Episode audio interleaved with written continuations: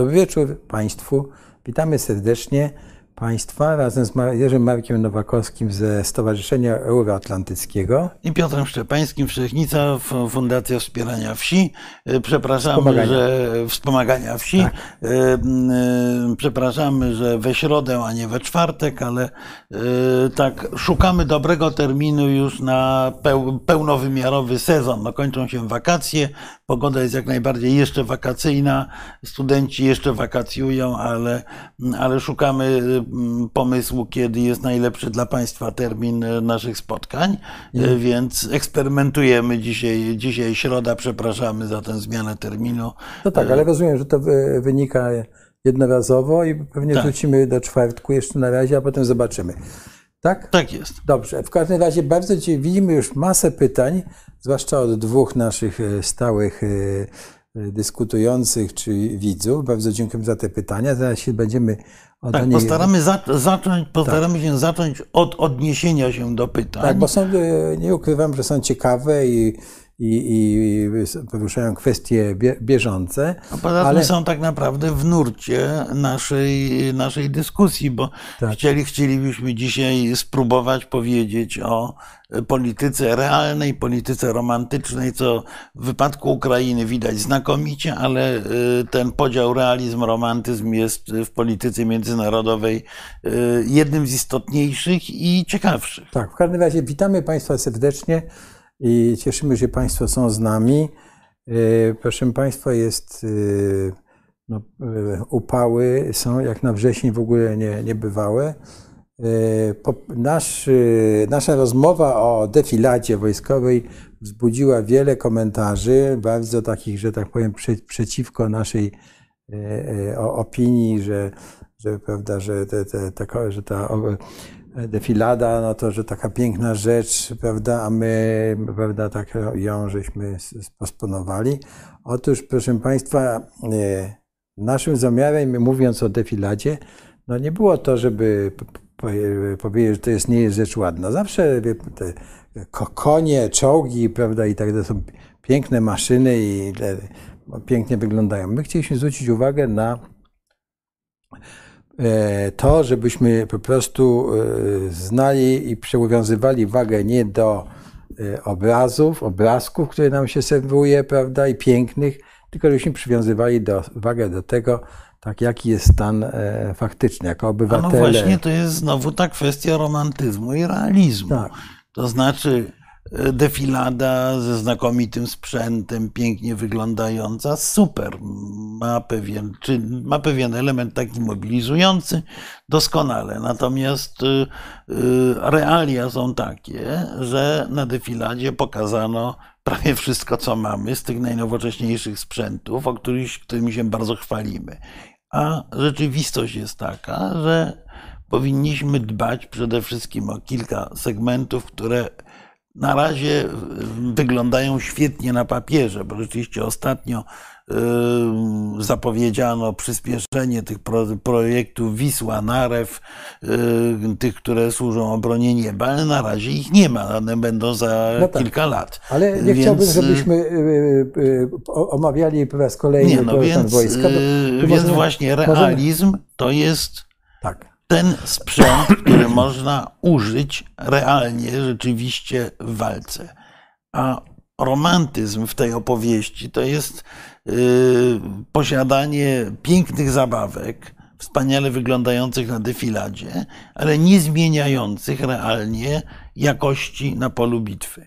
No, najkrócej mówiąc, to jest coś takiego, ale to samo dotyczy polityki zagranicznej, bo y, to u państw, w tych debatach z państwem bardzo często się pojawia, że my tutaj tym Niemcom, ale Amerykanom, Rosjanom i tak dalej pokażemy, y, twardo powiemy, że nie. No, tylko, że polityka nie polega na mówieniu.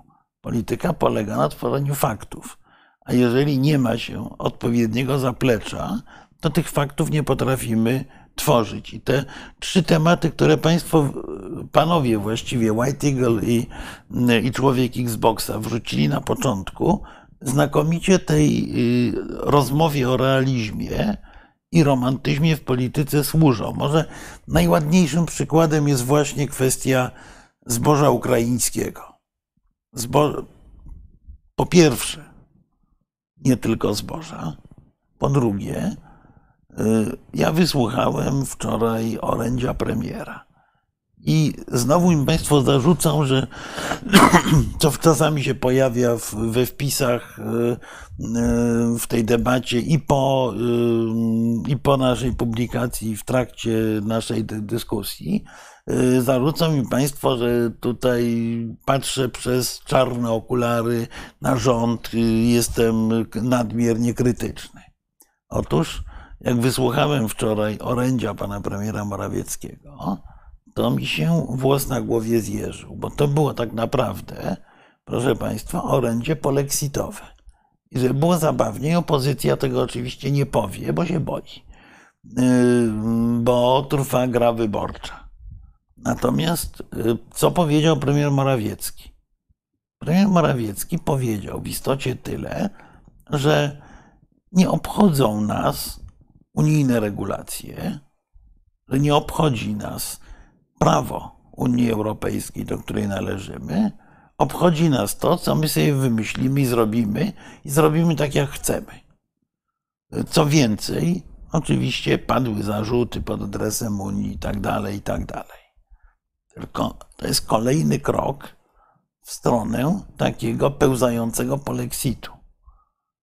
Bo jeżeli Polska nie stosuje się do traktatowo w tym wypadku uregulowanych traktat, w traktatach, które przyjęliśmy, bo w wypadku sądów możemy się spierać, ale w wypadku granicy Unii Europejskiej y, handel transgraniczny jest kompetencją Komisji Europejskiej. Jeżeli Komisja nie chce nakładać embarga, a my mówimy, że nie będziemy się do tego stosować, no to jest mniej więcej zachowanie takie, jak kogoś, kto jedzie ulicą pod prąd, po czym zatrzymany przez policję mówi, że policja się woziła, bo on, jego te przepisy nie interesują, prawda? No jest myślenie, klasyczne myślenie e, anarchiczne, takie no, jak negowanie właśnie przepisów drogowych, uznawanie, że nas pewne prawa nie obowiązują i tak dalej, i tak dalej. Ale ponieważ jesteśmy w pewnej strukturze europejskiej, to ma to daleko idące konsekwencje. ma to konsekwencje takie, że za chwilę możemy być wyłączeni z kolejnych europejskich polityk. Bo to samo robimy, próbując przeforsować tak zwany obywatelski projekt ustawy o lasach, który kolejne, w kolejnych punktach podważa uprawnienia traktatowe Komisji Europejskiej. Znaczy tam jest jeszcze gorzej, bo tam po prostu się e, e, kłamie o tych uprawnieniach Unii Europejskiej. Tak, prawda? ale... Zakaz wstępu do lasu, zakaz zbierania grzybów, no podobne. podobne ale oczywiście to orędzie, czy w ogóle te, te wszystkie działania z tego cyklu są działaniami, które są sprzedawane opinii publicznej jako takie napięcie muskubów. My tutaj, nam tutaj nie pozwolą my sobie nie pozwolimy dmuchać w kaszę. Przedwyborcza to jest tak, że my to was jest... obronimy przed Unią Europejską. Ale która, przed która, przed Niemcami, przed, przed Niemcami, Unią, tak. przed Rosjanami, Bóg wie przed kim, tylko. W istocie jest to dowód polityki słabości. Bo jeżeli prowadzimy politykę realną, to powinniśmy zmontować odpowiednio silną koalicję, która przeprowadzi przedłużenie embarga europejskiego albo na przykład y, zniesienie embarga z wyjątkami. Bo powiedzmy sobie szczerze, przez długą listę naszych własnych zaniedbań, nie tylko naszych, ale głównie naszych, rzeczywiście dla naszych rolników ten eksport rolny z Ukrainy jest poważnym zagrożeniem. Wobec czego no, musimy jakoś, jakoś go zastopować, bo by doprowadził do głębokiego kryzysu na polskim rynku.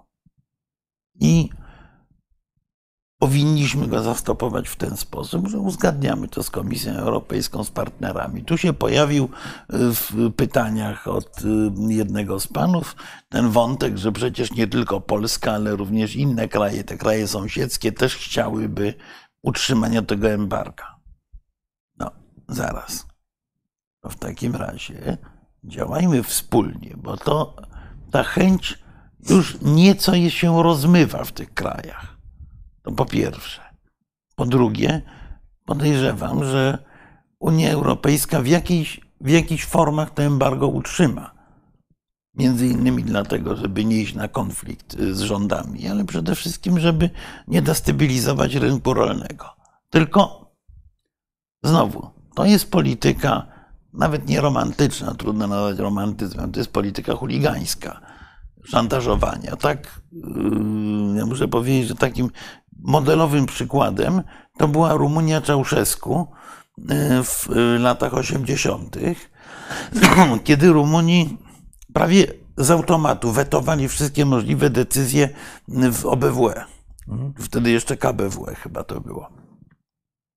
I ponieważ tam była wymagana jednomyślność, no to poprzez postawy wszyscy próbowali tę Rumunię czymś przekupić, żeby, żeby przestała wetować. No to jest, tylko to jest polityka krótkowzroczna i trochę bezsensowna, bo co myśmy powinni byli zrobić? Myśmy powinni się byli przygotować w zeszłym roku do tego, że na długi czas będziemy krajem tranzytowym dla Ukrainy. Proszę Państwa, y, gdy po pierwsze, w ubiegłym roku to rząd Rzeczpospolitej Polskiej najgłośniej gardłował, żeby otworzyć rynki unijne całkowicie na towary ukraińskie, bo musimy Ukrainie pomóc. Przecież to był okręt flagowy premiera Morawieckiego wiosną ubiegłego roku, jak krzyczał, że wszyscy tutaj yy, opóźniają te potrzebne dla Ukrainy kroki.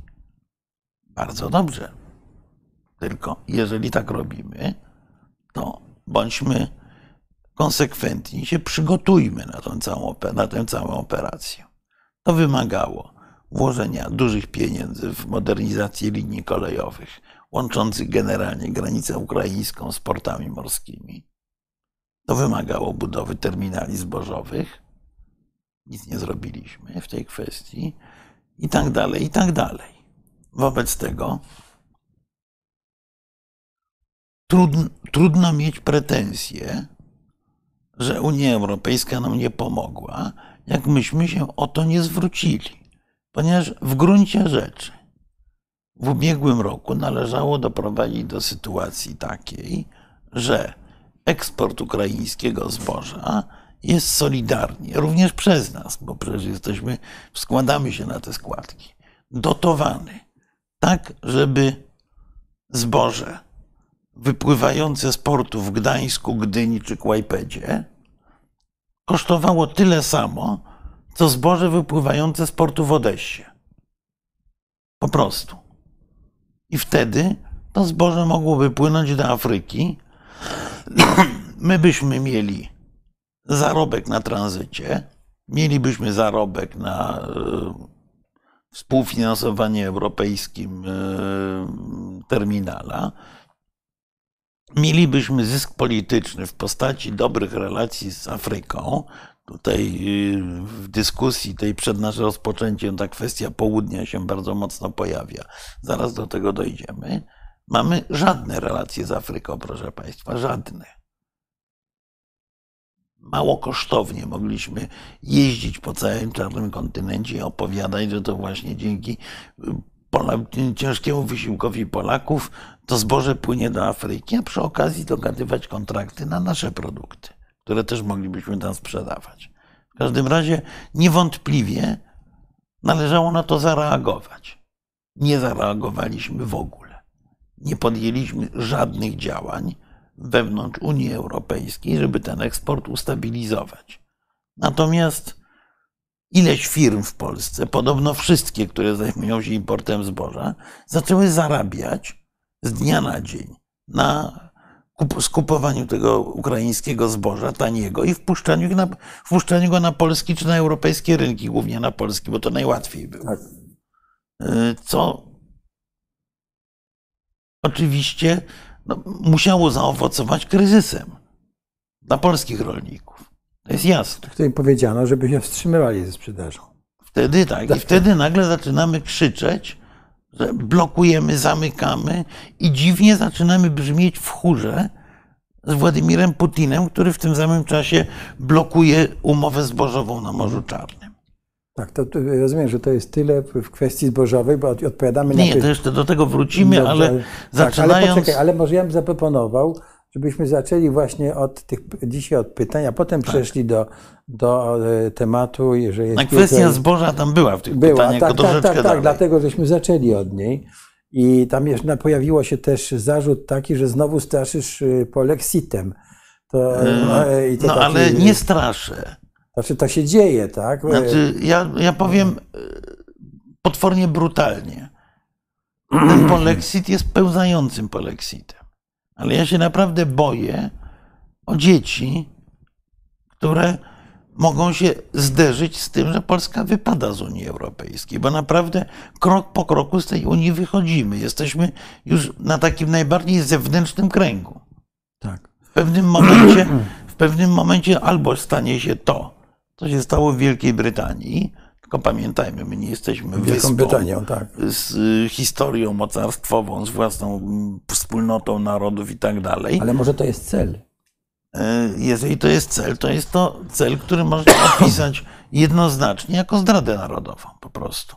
Ponieważ. Bo, bo tak, jak się na to wszystko patrzy, to tak, tak gdzieś tam. Nie, e, nie, to jest tak. Nie, nie, nie, bo, ponieważ tak, naród chce zostać w Unii Europejskiej, my chcemy wyjść, no to tak nie możemy powiedzieć od razu, wychodzimy, tak, to to zrobimy ten Poparcie dla Unii to tak zrobimy, żeby oni, żeby oni w końcu się nas pozbyli i wtedy oskarżymy Unię o to, że nas znaczy, wyrzu- Unia nie może nikogo wyrzucić. Ja wiem, ale wiesz, w sensie takim się wyłączy z jakichś, wiesz... No ale się sami wyłączamy. Właśnie ta ustawa o lasach, czy to, co się dzieje w tej chwili ze zbożem, to jest samo wyłączanie się. To pamiętajmy o jeszcze jednej rzeczy, jak już mówimy o tej Ukrainie. To bądźmy szczerzy. Otóż mówi, na poziomie romantycznej polityki mówimy, że chcemy, żeby Ukraina najlepiej jutro wstąpiła do Unii Europejskiej, tak? Tak. Taka jest deklaracja, chodzą tutaj ja nasi ja już nie wiem, oficjele i przemawiają. Ja już nie wiem, czy już, czy już oni w sercu nie zmienili zdania. Tak, paru, paru politologów wręcz stwierdza, że powinniśmy zawrzeć Unię z Ukrainą. Świetnie. Tylko Ukraina jako członek Unii Europejskiej nie ma żadnej granicy celnej, żadnego embarga wtedy wprowadzić nie można, bo nie ma tutaj granicy. Jesteśmy jednym obszarem no, gospodarczym. Chcesz, chcesz powiedzieć, czyli, że to jest jakieś e, no, czyli, rozdwojenie jaźni, tak? Tak, czyli Unia, Ukraina w Unii Europejskiej oznacza morderczą konkurencję dla polskiego rolnictwa, no, które musi się kompletnie przebudować, żeby tę konkurencję wytrzymać. Bo to nie są tylko zboża. To są owoce miękkie, wszystkie, maliny, jagody bo, i tak dalej. To, jest, to są jajka, to jest mięso, to, są, to jest miód. Y, oczywiście kukurydzy, kukurydza jest w tych zbożach akurat, dobrze. Y, ale to są również produkty stalowe. To jest konkurencja usług wielokrotnie tańszych ukraińskich z przeróżnych dziedzin. I krótko mówiąc, wejście Ukrainy do Unii Europejskiej jest dla polskiej gospodarki gigantycznym wyzwaniem, do którego, powi, do którego to wyzwania powinniśmy się przygotować. To jest po, polityka realistyczna wobec perspektywy ukraińskiego członkostwa w NATO. Ma dwie, są dwie możliwości. Jedna, że Polska, a zaczynamy się w tym kierunku obsuwać, że Polska zacznie blokować członkostwo Ukrainy po prostu, mhm. czyli wejdziemy na kurs głęboko kolizyjny z naszymi partnerami z Kijowa, albo że Polska potrafi w ciągu kilku lat sensownie się do tego przystosować, traktując to, powtórzę się z tym, co już kiedyś mówiłem w, w, tym miejscu, y, zmieniając model rozwojowy na model modernizacji gospodarki, ale na razie tej modernizacji nie widać jako żywo. Wręcz przeciwnie, my się mościmy niczym niedźwiedź w gawrze w tej pułapce średniego rozwoju i nam jest w ogóle w niej bardzo dobrze. Tak. Tak naprawdę. Znaczy, pułapka polega na tym, że to jest zastój. I, no, i, i cały czas konkurujemy tanią pracą. Tak. Złe, ale... Łatwymi operacjami bankowymi. To, to co z kolei wykonała, wykonał ostatnio e, Narodowy Bank Polski z tym obniżeniem stóp. E, my się po prostu oczywiście najwygodniej jest się umościć w takiej niszy, gdzie jest jako tako, gdzie jeszcze są pewne rezerwy wzrostowe, natomiast nie, nie ma przejścia od gospodarki yy, takiej półperyferyjnej do gospodarki z moderni, nowoczesnej, no, yy, opartej jeszcze, na, na nowych technologiach, fajnie, bo, bo możemy, jeszcze zwalimy winę na Niemców, tak? I z drugiej strony jeszcze na Ukraińców zwalimy za ten stan znaczy, rzeczy, tak? To znaczy, to jest, bo, to jest genialna polityka genialna, tak? konfliktowania się z y, największym sąsiadem, partnerem gospodarczym, y, który odpo jest, y, odpowiada za 40 parę procent polskiego handlu w ogóle. Tak.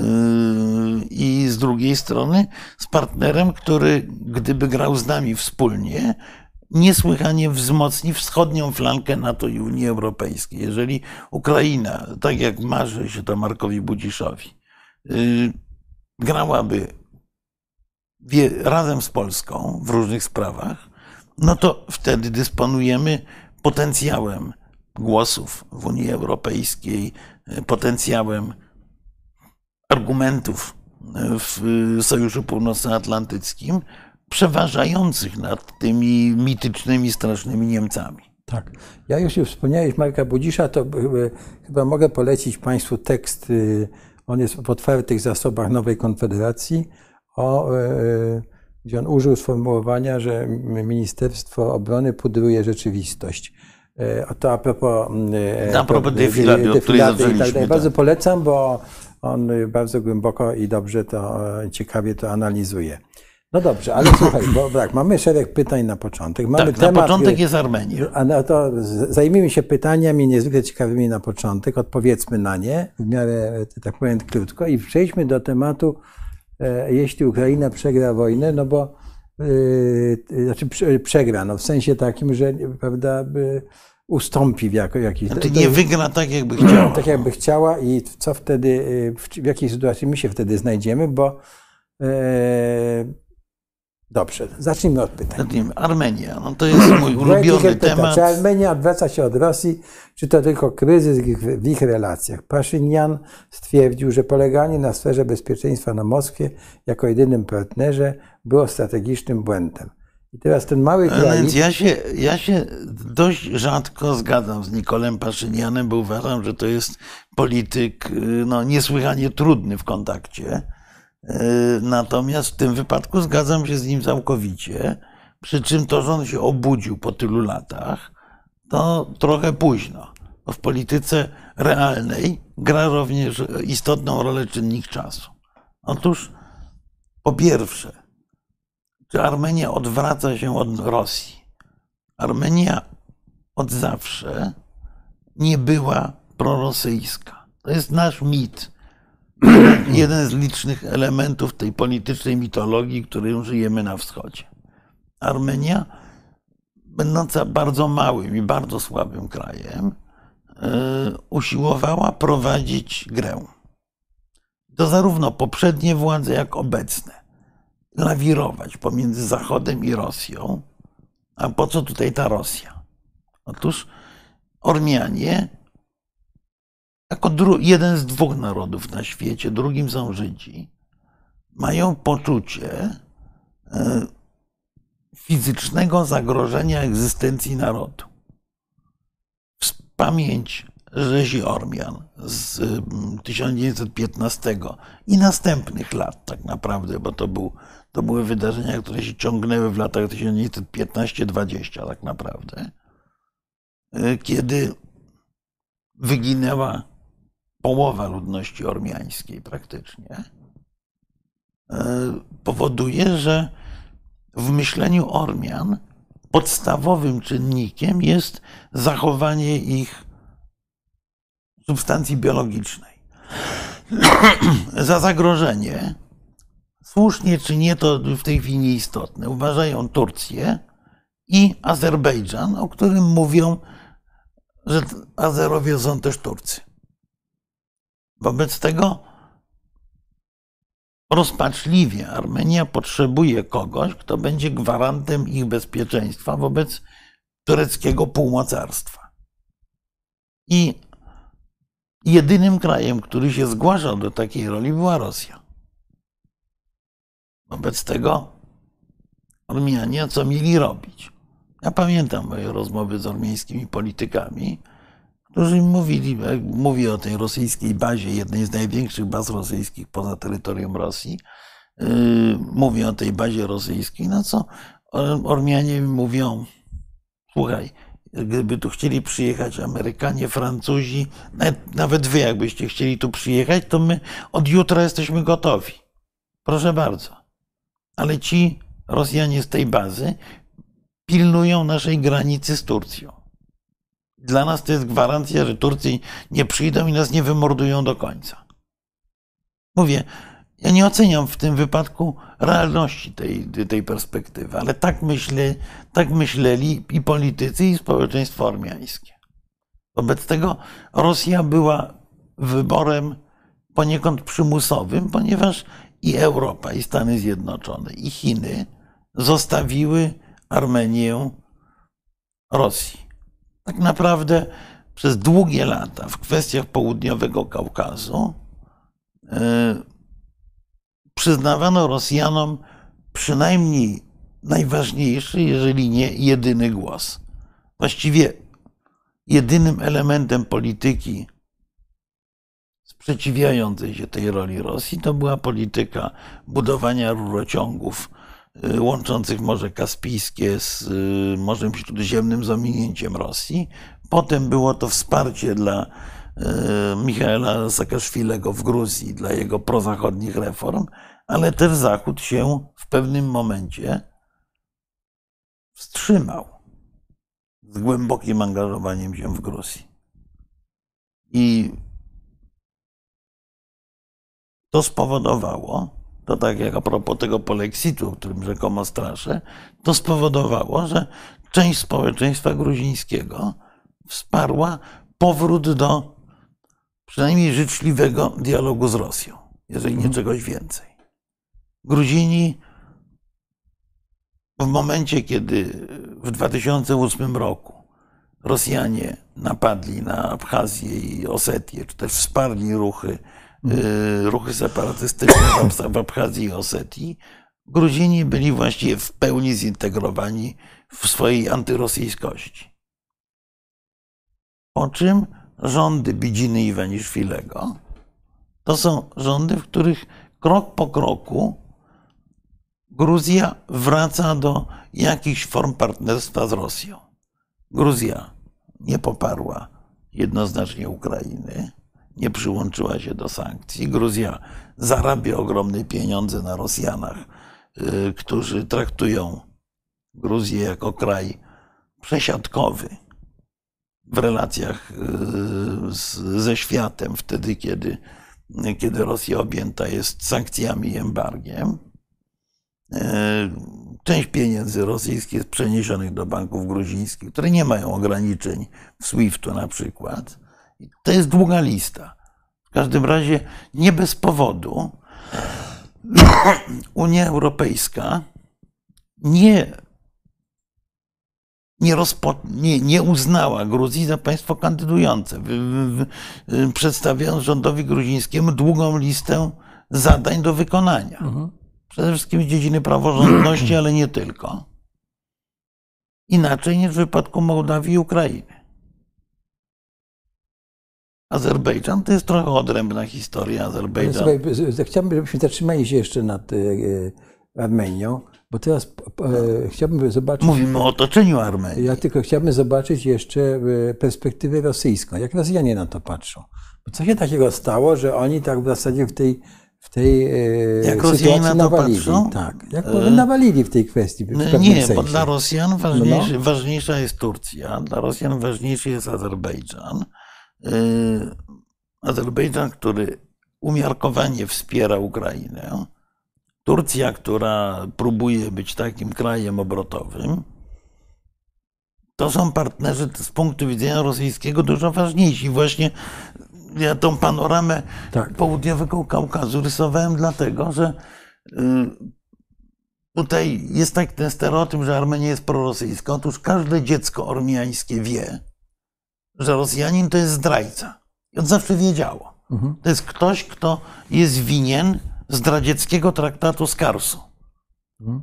Dla wyjaśnienia, 1921 rok tak naprawdę w Moskwie powtórzone w, Kar w miejscowości Kars Y, podpisanie umowy sowiecko-tureckiej, na mocy której Związek Sowiecki zrzeka się właśnie rejonu Karsu na rzecz Turcji w zamian za Adżarię, czyli ten kawałek Gruzji, gdzie jest Batumi. Mhm. I z punktu widzenia Ormian to było jak cios w serce, ponieważ na obszarze tego okręgu karskiego leży święta góra Ormian Ararat. Mhm. No I leżą ruiny y, wielkiej stolicy imperialnej Armenii, czyli miasta Ani. I Sowieci to jednym ruchem ręki oddają Turkom, właściwie za bezdurno, bo nie muszą się z Ormianami liczyć. Więc Ormianie pamiętają o zdradzie z Karsu, to po pierwsze. Po drugie, Ormianie jako naród o bardzo długiej tradycji, o, no, prawdę mówiąc, głęboko nacjonalistycznym myśleniu, tak naprawdę, takiej ugruntowanej dumie narodowej, pogardzają Rosjanami jako niemal dzikim narodem. Mhm. To też warto o tym pamiętać. Oczywiście Ormianie jednocześnie robią pieniądze i kariery głównie w Rosji bo e, Ormianie są i nadreprezentowani w rosyjskim biznesie, mhm. paru miliarderów, i y, szczególnie w, sferze intelektualnej. No pamiętajmy, że y, ukochana propagandystka Putina Marga, Margarita Simonian jest po prostu Ormianką. Tak. E, Ormianinem jest Ławrow tak. Y, i tak dalej, i tak dalej. No, więc te, to przenikanie się, obecność Ormian w, w sowieckiej jeszcze elicie była niesłychanie mocna. E, projektant samolotów Mikojan, no tak. E, też Ormianin. Tak. 20% członków Akademii Nauk ZSRR to byli Ormianie. No. Tak. Więc, ale, ale słuchaj, więc te relacje mówi... były głębokie, a jednocześnie Ormianie mieli poczucie, wyższości i pewnego dystansu do Rosjan. Rosjanie nie cieszyli się w Armenii sympatią, byli uważani za wybór mniejszego zła, które może ich ochronić, krótko mówiąc. W zasadzie I... jest to e, e, nieszczęśliwy naród, bo nieszczęśliwy, bo straszliwie zagrożony no ale... w tej chwili, bo prezydent Azerbejdżanu E, e, mówi, że to są ich tereny, prawda, tradycyjnie, no bo, ciągle to powtarza. Proszę Państwa, no bo o Kaukazie Południowym możemy tu rozmawiać przez 6 tak. godzin, bo y, spory tamtejsze mają po kilka tysięcy lat. Y, Azerowie tłumaczą, że oni są tak naprawdę potomkami tak zwanej y, Albanii Kaukaskiej, mhm i że zostali wtórnie w ogóle zdechrystianizowanym narodem y, y, w okresie najazdów perskich, ale w rzeczywistości to oni są tutaj pierwszymi w ogóle, pierwszą cywilizacją. To jest bzdura, ale tą opowieść snują. Z tej opowieści wynika, że oczywiście cała Armenia to jest tak naprawdę ich. No to, to jakieś mhm. ci Ormianie są jacyś uzurpatorzy. Oczywiście Ormianie, którzy mają z kolei 2000 lat tradycji państwowej, w tym mocarstwowej, bo Armenia była e, mocarstwem rozciągającym się między trzema morzami czarnym, kaspijskim i, śródziemnym. E, też nie są, nie są w stanie w ogóle takiej narracji słuchać, nie mając akceptacji. ta niechęć ormiańsko-azerska jest bardzo stara, owocowała wieloma rzeziami. W obie strony zresztą. Mhm. Częściej y, antyormiańskimi, ale, ale Ormianie są oczywiście nieszczęśliwym narodem. No wiesz, my mówimy, że Polacy to mają pecha, bo są między Niemcami a Rosją, prawda? Tak, tak. No to teraz wyobraźmy, że jesteśmy między Imperium Tureckim, Imperium y, Perskim, obu, oba muzułmańskie, y, i Imperium Rosyjskim. Jesteśmy pośrodku tego, te walce nieustannie nas mielą. Ormianie, tak. którzy mieli y, wspaniałą historię, od tysiąca lat byli pozbawieni niepodległości, nie 180.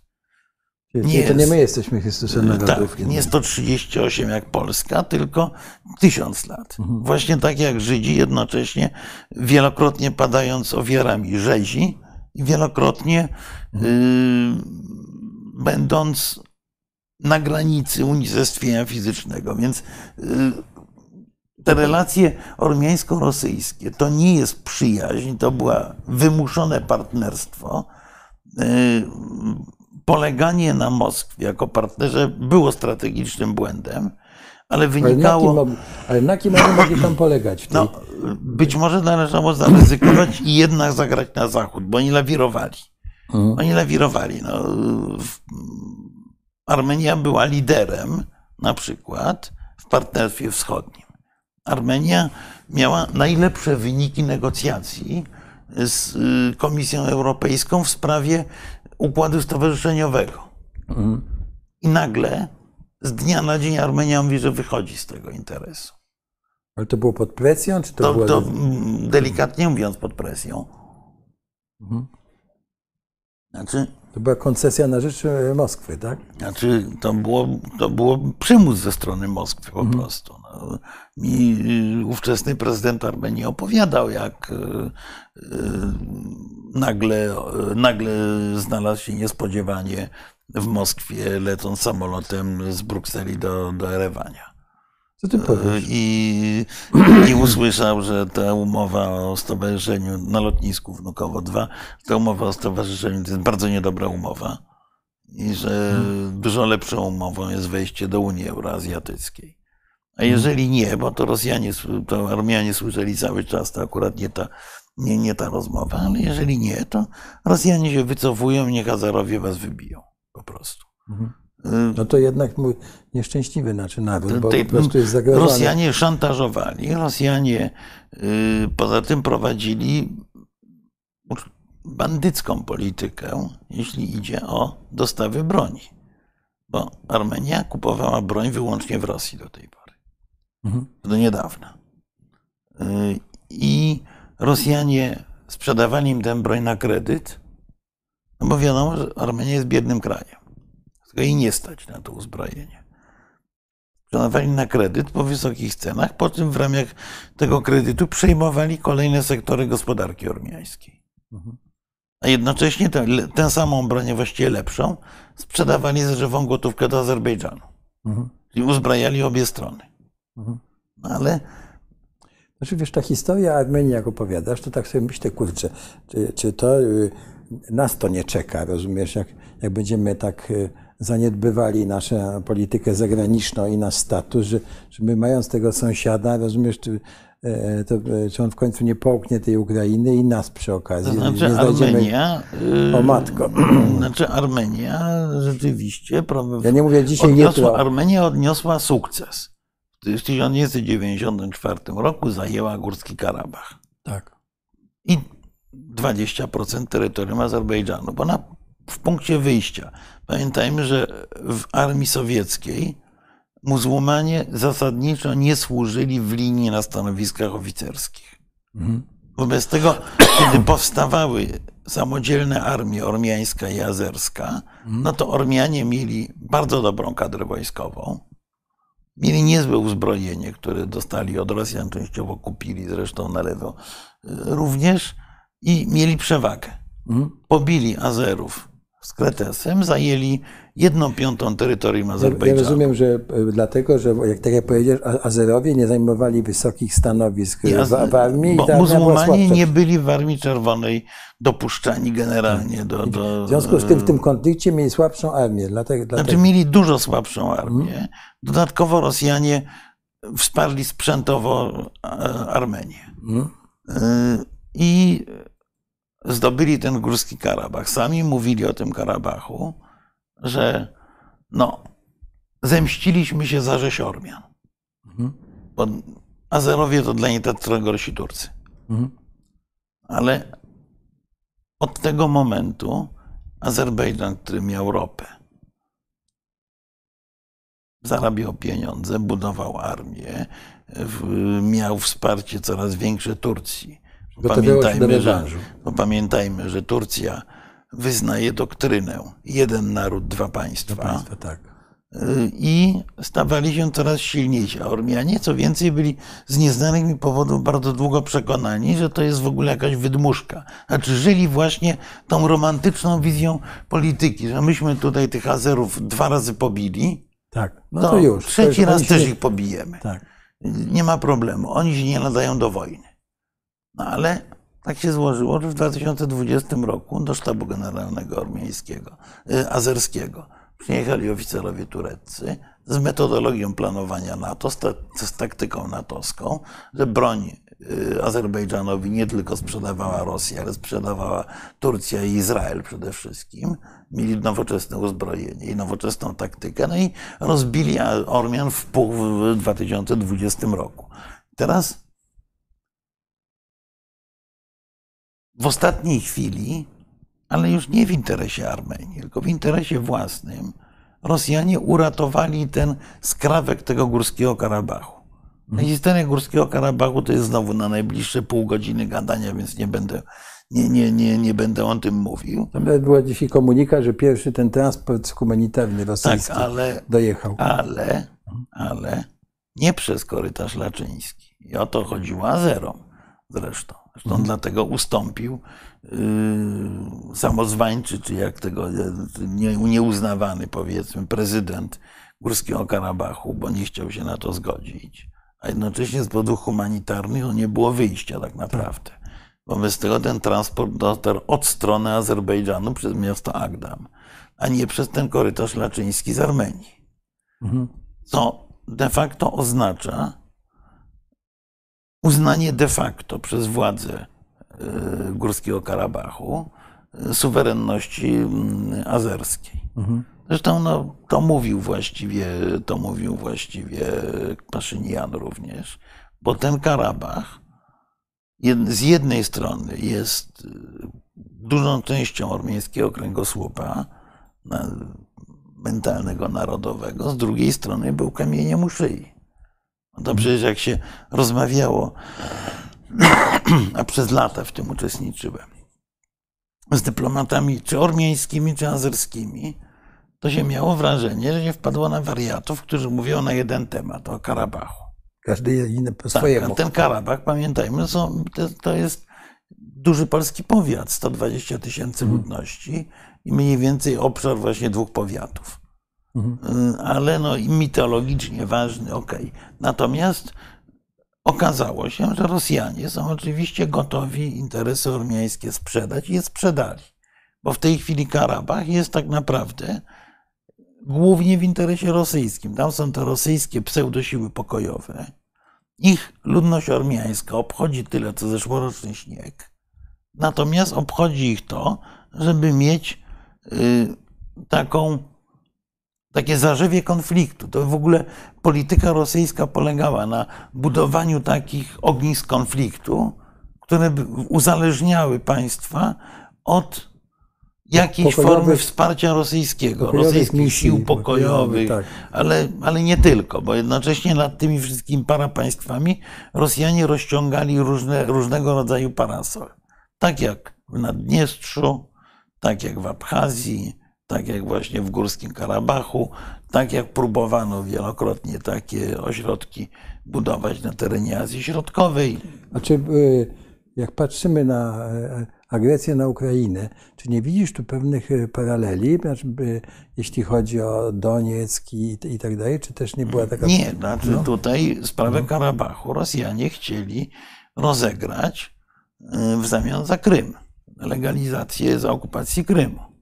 Mhm. W pewnym momencie Rosja wystąpiła z tak zwanym planem Ławrowa, że otoczenie międzynarodowe, pamiętajmy, tam są w, w sprawy ormiańsko-azerskie są cały czas zaangażowane jeszcze Francja i Stany Zjednoczone jako mhm. członkowie tej grupy y, wyznaczonej przez OBWE do, do unormowania tego konfliktu. I y, Rosjanie chcieli, do, do, żeby społeczność międzynarodowa wyraziła zgodę na przeprowadzenie referendum w Górskim Karabachu, które określi jego przyszłość. Pod jednym warunkiem, że zostanie uznane, że status Górskiego Karabachu był taki sam jak status Krymu. Skądinąd to prawda. Górski Karabach, nawet więcej, Górski Karabach był okręgiem autonomicznym, Krym był republiką autonomiczną i teoretycznie po rozpadzie Związku Sowieckiego powinny mieć prawo do tego, że się wypowiedzieć, gdzie, tak. gdzie się chcą znaleźć. W razie próbowali użyć tego, bo jeżeli świat się zgodzi na referendum w Karabachu, no to nie ma powodu, żeby się świat nie zgodził na referendum na Krymie, tak. prawda? Spróbowali tego użyć, jak nie wyszło, to ich przestało to obchodzić.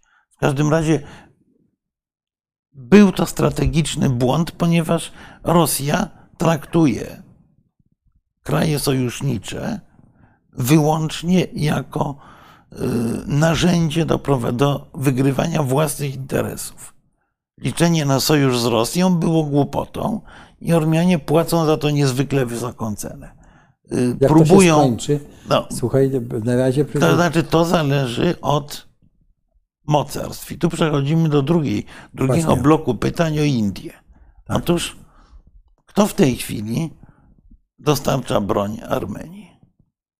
A no właśnie India. Armenia, słusznie zresztą, szukając jakiegoś patrona międzynarodowego, mocarstwowego patrona, bo inny się nie liczy, zwróciła się w kierunku Indii. Teraz znowu mamy mówić o polityce realistycznej. Otóż, co ta Armenia dwumilionowa obchodzi półtora miliardowe Indie, prawda?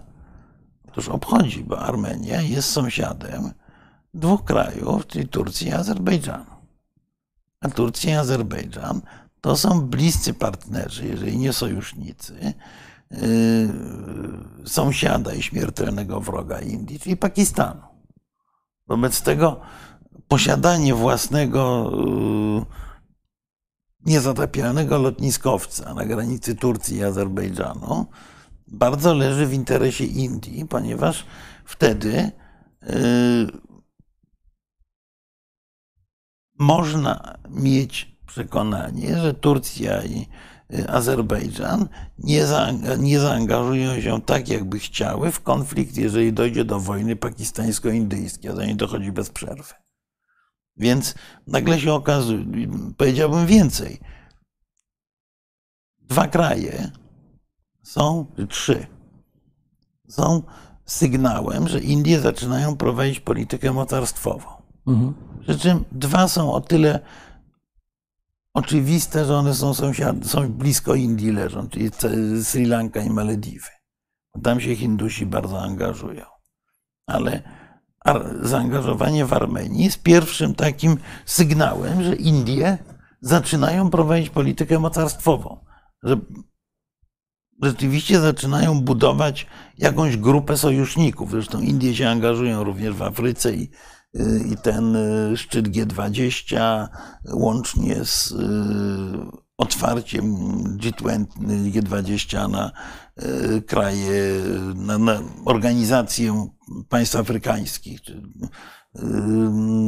jest dowodem, że właśnie no, Hindusi no, chcą się tam zaangażować. Hindusi tradycyjnie w Afryce byli. Byli, ale zostali wypchnięci. wypchnięci tak. I przez Chińczyków, i przez Rosjan. Tak. W tej chwili Chińczycy wyraźnie buksują i, zaczynają się niekonsekwentnie, krok po kroku z tej Afryki wycofywać, bo chyba nie są w stanie wytrzymać afrykańskiego modelu korupcji. Tak. A Rosjanie z kolei, no, po śmierci Prigorzyna, nie mają już tak łatwo w ingerowaniu w sprawy afrykańskie. A poza tym Rosja głównie eksportowała tam broń której sama w tej chwili nie ma, więc, y, y, mhm. więc y, no, przestaje być atrakcyjna w dużym stopniu dla wielu krajów afrykańskich i na to wchodzi pokojowe, demokratyczne, przynajmniej formalnie mocarstwo indyjskie, które nie jest z nikim skłócone i które Zobaczymy, jaką będzie miało ofertę dla krajów afrykańskich, tak, ale wydaje mi się, że, że Hindusi, yy, wydaje mi się, że Hindusi próbują w tej chwili yy, zawalczyć o to, co im się jakoś udawało yy, w latach 70., 60., czyli powrót do tego, żeby być liderem tego globalnego południa, które nie angażuje się w konflikty dwóch bloków. Mhm. Bo wyraźnie się zarysowały te dwa bloki. Jeden chińsko-rosyjsko-północno-koreański, taki blok autorytarny, z paroma satelitami w rodzaju, w rodzaju Iranu czy, czy, czy, czy, czy Wenezueli. Z drugiej strony no dość, dość zwarty cały czas blok państw Zachodu, łącznie z y, Zachodem teoretycznym, takim jak Japonia czy, czy Australia. Tak. I ogromna grupa państw globalnego południa, które są podejrzewane o sympatie prorosyjskie w tym konflikcie i które się próbują z tego jakoś wywikłać. Takim przywódcą tej grupy południa bardzo chciały być Chiny. Ale Chiny pod władzą Xi y, zaczęły uprawiać taki model brutalnego imperializmu, który powoduje pewne obawy. Datek przykład właśnie Sri Lanki, ale nie tylko, a przecież Sri Lanka jest takim modelowym przykładem, wskazuje, że y, współpraca z Chinami może doprowadzić bardzo łatwo do bankructwa. Tak. No bo chińskie kredyty i sposób ich rozliczania, finansowania i tak dalej na, na Sri Lance doprowadziły po prostu do upadku do upadku rządów i, i do potwornie głębokiego kryzysu. Więc bardzo podobnie zaczyna to wyglądać w wielu krajach afrykańskich, które są zadłużone w Chinach. Bardzo podobnie to wyglądało przecież w, w Europie, w Czarnogórze, gdzie Chińczycy tak. Y, te, też doprowadzili właściwie Czarnogórę na próg bankructwa. Tak, ale... Y, więc y, Indie są coraz bardziej odczytywane na południu jako przyjazna alternatywa. Oczywiście gospodarka jest kilkakrotnie mniejsza od chińskiej, więc mają mniej pieniędzy. Pieniędzy. Ale mówiąc szczerze, z perspektywy no, ale czy... biedaków afrykańskich, to nie jest takie istotne, a poza tym kluczowe to będzie tutaj coś innego. Kluczowe to będzie, jak ci bankierzy tego południa w postaci krajów Zatoki Perskiej, y, jak się zachowają. Na razie Arabia Saudyjska y, y, siedzi już na czterech stołkach, tak mhm. naprawdę. Tak. Bo pomaga Rosjanom poprzez ograniczenie wydobycia ropy. I sobie, i sobie. Dogadu, dogaduje się z Chińczykami, którzy są ich największym klientem z kolei. Tak. Y, cały czas handluje bronią z Ameryką i tłumaczy Amerykanom, że jest pierwszym sojusznikiem Ameryki. Mhm. A teraz jeszcze na kanwie, na kanwie BRICS-u i, i G20 buduje pas i szlak buduje indyjski. indyjski pas i szlak. Tak. Więc Saudowie, tutaj pełna zgoda z, z, naszymi, z naszymi widzami. Saudowie to jest niezwykle ciekawy przypadek i zobaczymy, czy nie zakiwają. No zobaczymy, to jest ciekawe. Ale tutaj nam pan White Eagle, bo odpowiadamy na pytania, proszę państwa, e, e, które już pojawiły się na początku, bo są niezwykle ciekawe. Co jest tą nazwą Indie na Barat? Barat, tak. I jaki jest message za tym się kryje? U, u, u, znaczy, message się kryje pod, pod, podwójny. Po pierwsze, e, właśnie to, o czym mówiliśmy przed chwilą, czyli Indie zgłaszają akces do świata mocarstw. Mhm. A Rad to jest coś więcej niż Indie, to jest cywilizacja indyjska mhm. obejmująca sporą część Azji Południowej, tak naprawdę. To mhm. raz. Dwa to jest manifest e, nacjonalizmu hinduskiego, który ewidentnie jest takim e, no, fundamentem e, ideologii rządzącej partii Janata, a szczególnie fundamentem władzy premiera Modiego. Wobec tego to, to uderza z kolei w no, nader liczne, to, to mówimy o setkach milionów ludzi, mniejszości e, w Indiach, które nie uznają tej, tej nazwy Barat. Z tego to jest podwójna, pod, podwójna demonstracja. Przy czym ja tu nie jestem, nie, nie jestem specjalnym optymistą.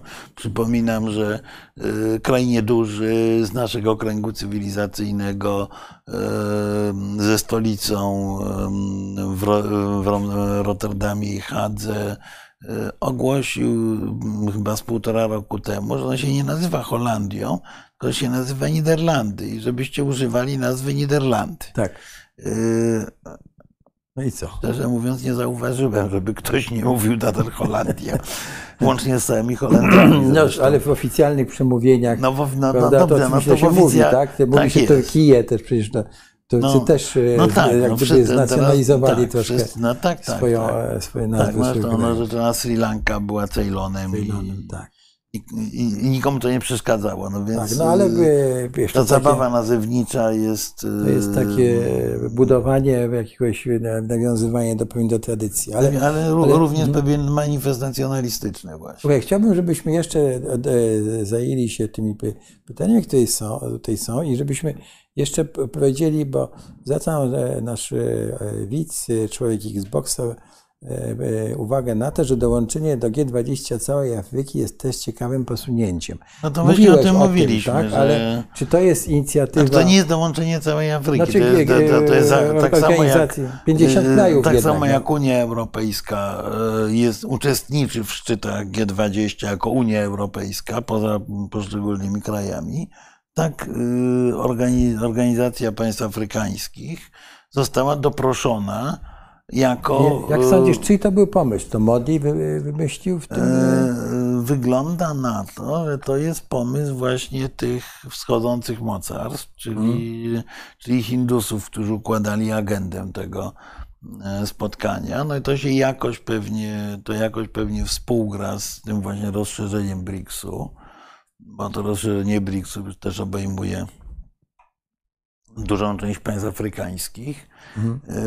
Y, więc y, I to jest, na to należałoby... Czyli mamy tutaj konkurowanie przez y, tu BRICS, tu G20, prawda, w rękach i, i pod przewodnictwem tym razem Modiego, a jakbyśmy skomentowali, słuchaj, ten E, udział i reakcję e, Stanów Zjednoczonych na to, bo w zasadzie one poparły to, prawda, Stany Zjednoczone. To no wszystko, bo, się... E, mimo wszystko Joe Biden, mimo że ma kłopoty u siebie w domu, bo, bo jest kolejnym prezydentem, na którego się czają, żeby mu procedury impeachmentów zorganizować, Zresztą przewiny chyba bardziej syna właśnie Huntera niż jego mhm. samego. Ale, e, ale pomimo kłopotów domowych, pomimo kłopotów zdrowotnych, bo, bo z, trudem, z trudem kończył przemówienia w Wietnamie, e, który... No wiesz, to dla starszego pana no, to taka podróż, jaką on no, odbył. Zgoda, no, ten starszy pan ma zamiar kandydować w przyszłym roku w wyborach prezydenckich w Stanach Zjednoczonych. Yy, muszę powiedzieć, że mi to imponuje, ale z drugiej strony, yy, ale z drugiej strony no jest to rzeczywiście zadanie Ciężkie do, do fizycznie i zdrowotnie yy, potwornie to, trudne. To była, ciekawa była uwaga przewodniczącego komunistycznej partii Chin, on się nazywa Hatran, tak? Czy jakoś tak, że jak, cię, jak pana widzę, to widziałem pana wczoraj, a dzisiaj pan wygląda jeszcze młodziej, a on ma 79 lat, czyli hmm. dwóch, dwóch dobrze, ale to taki e, dowcip. Y. No tak, ale, ale przejdziemy, ale, przejdziemy. Biden, Biden ma kłopoty, natomiast no Biden nie jest Morawieckim, wobec tego nie uprawia polityki bajek, tylko uprawia politykę realną, mimo że Stany Zjednoczone są supermocarstwem. Wobec tego, no co miał powiedzieć? No tak samo jak co mieli Amerykanie powiedzieć na porozumienie saudyjsko-irańskie. No nie, że świetnie. No. no świetnie nie, no ale że mają nadzieję, że będzie to miało dobre skutki. No więc, tak. No, bo, bo polityka nie polega na tym, że się siada i wali pięścią w stół i mówi, że mi się to nie podoba. No bo co, co by osiągnęli Amerykanie, gdyby powiedzieli, że im się to nie podoba? Nic, no tak. E, znaczy ale, nie, ale gorzej, czy... gorzej, gorzej, znaczy, gorzej. Znaczy, osiągnęli, gorzej, gorzej tak. osiągnęliby tak. to, że cały świat by zobaczył, że supermocarstwo nie mogło zapobiec czemuś, na co się nie zgadza. Tak, absolutnie. E, czyli daliby, mhm. to dokładnie tak jak my z tą nieszczęsną opowieścią o blokowaniu ukraińskiego eksportu, w istocie mówimy co? Mówimy, że jesteśmy tak słabi w Europie, że nie potrafimy przekonać y, partnerów unijnych do, do tego, żeby, do, było, żeby było to działanie y, albo wspólne, albo przynajmniej pod sztandarem unijnym. Tak. Y, no, klasyka przecież. Tak, ale spójrzmy jeszcze na to, co się wydarzyło z tą G20 prawda? Bo tu zwróciłeś uwagę na wątek bardzo ciekawy, taki, że prawda, BRICS się rozszerzył, no to Modi e, postanowił rozszerzyć G20, czyli konkurowanie jak gdyby dwóch e, forów, czy jak to nazwiemy. Znaczy nie, no, no to jest próba w ogóle e, dochodzenia do głosu przez globalne południe. Tak. Kiedyś to globalne południe miało formułę wymyśloną przez yy, yy, Indire Gandhi i Tito, chyba jeszcze Neru nawet, Neru, tak, i tak. Tito, czyli organizacji państw niezaangażowanych. Jugosławia, e, gdzie, Indie, gdzie tak. właśnie te państwa, które nie chciały się opowiedzieć wprost po żadnej ze stron w konfrontacji blokowej. Tak. E, I e, no, to, co się dzieje, to jest przecież prosty dowód na to, jak ktoś mówi, że nie ma nowej konfrontacji, nowej zimnej wojny, no to niech sobie popatrzy na mechanizmy, które działają w polityce międzynarodowej. Tak, po prostu ale... gołym okiem widać, że mamy zimną, zimną wojnę i się tworzy nowy ruch państw niezaangażowanych, a właściwie ruch, który próbuje wokół siebie, bo ta nowa zimna wojna będzie inna, bo mamy inne, inne mocarstwa, które są tak, no ona w ogóle ma inny charakter, inne, tak, w tej wojnie. No, jednym z graczy są Indie. Kiedyś te Indie były oczywiście duże, oczywiście był Nehru, dekolonizacja, Indira Gandhi potem i tak dalej, y, więc miały pewien autorytet, ale, ale były jednym z wielu. Natomiast w tej chwili wydaje się, że ten trzeci blok właśnie ma się konsolidować wokół Indii i pytanie, w gruncie rzeczy to, które, tak. to, które panowie tutaj stawiali. To jest panowie, jak nasi, się zachowa. Nasi widzowie tutaj. Jak się zachowa y, Półwysep Arabski. Tak. Jak się zachowa Arabia Saudyjska, Emiraty, Oman w tej grze, bo one są wprawdzie niewielkie w skali chińsko-indyjskiej, ale tak. mają kupę pieniędzy. I też przecież widać coraz częściej, że Saudowie, czy y, zwłaszcza Dubaj, staje się miejscem y, spotkań, y, miejscem negocjacji. No, w Katarze odbywały się przecież negocjacje Amerykanów z talibami przed wyjściem tak. Amerykanów z Afganistanu. Czyli krótko mówiąc, ten Półwysep Arabski też staje się takim obrotowym graczem. Mhm. Tutaj y, chyba człowiek Xboxa stwierdził, że to upodabnia politykę właśnie. Nie tak, druga Turcja robi się z Arabii. No może nie druga Turcja, ale ten model polityki tureckiej e, wydaje się być dawnej polityki tureckiej, bo ona się też zmieniła z kolei w inną stronę, staje się, wydaje się być atrakcyjny dla właśnie księcia Mohammeda bin mhm. Salmana, który kieruje E, kieruje polityką saudyjską, e, gdzie e, ta Arabia Saudyjska, definiując się jako sojusznik Stanów Zjednoczonych, jednocześnie gra kilka własnych gier na boku. Mhm. No zwróćmy uwagę, że ten Modik, który też jest starszym panem, bardzo, prawda? On jest, że on też te Indie odnoszą sukcesy. Tak? tak? No, lądowanie na Księżycu to, to jedno, prawda? Co byśmy nie powiedzieli, no to jest to jednak o, o, o, ogromny sukces, zwłaszcza z, tym, z tą porażką Rosji w tle, e, jeśli chodzi o, o, no tak. lądowanie. Tak? Drugie, on postawił na to G, G20, czyli jak gdyby, no będą, oni, oni tam są w, Blik, w BRICS i tak dalej, ale jak gdyby e, postawili... Ale nie, no G20, bo oni przewodniczą w tym oni, roku G20, Oni przewodniczą, ale... ale on zrobił z tego swój show, tak?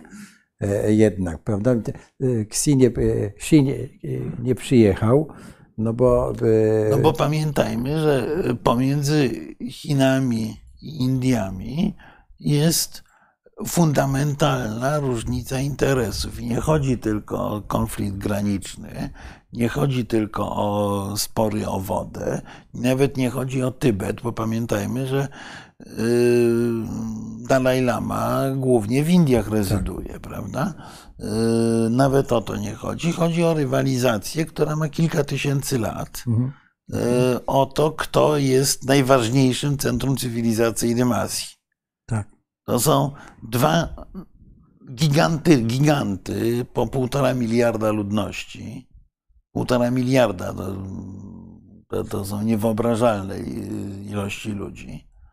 Yy, I dwa kraje, które oba są przekonane, że to one są fundamentem cywilizacji globalnej, że to stąd wyszła cała cywilizacja światowa prawda? Więc y, to, ten konflikt jest zakodowany, bo tutaj padło w pewnym momencie pytanie o to, czy Indie się przesuwają na zachód.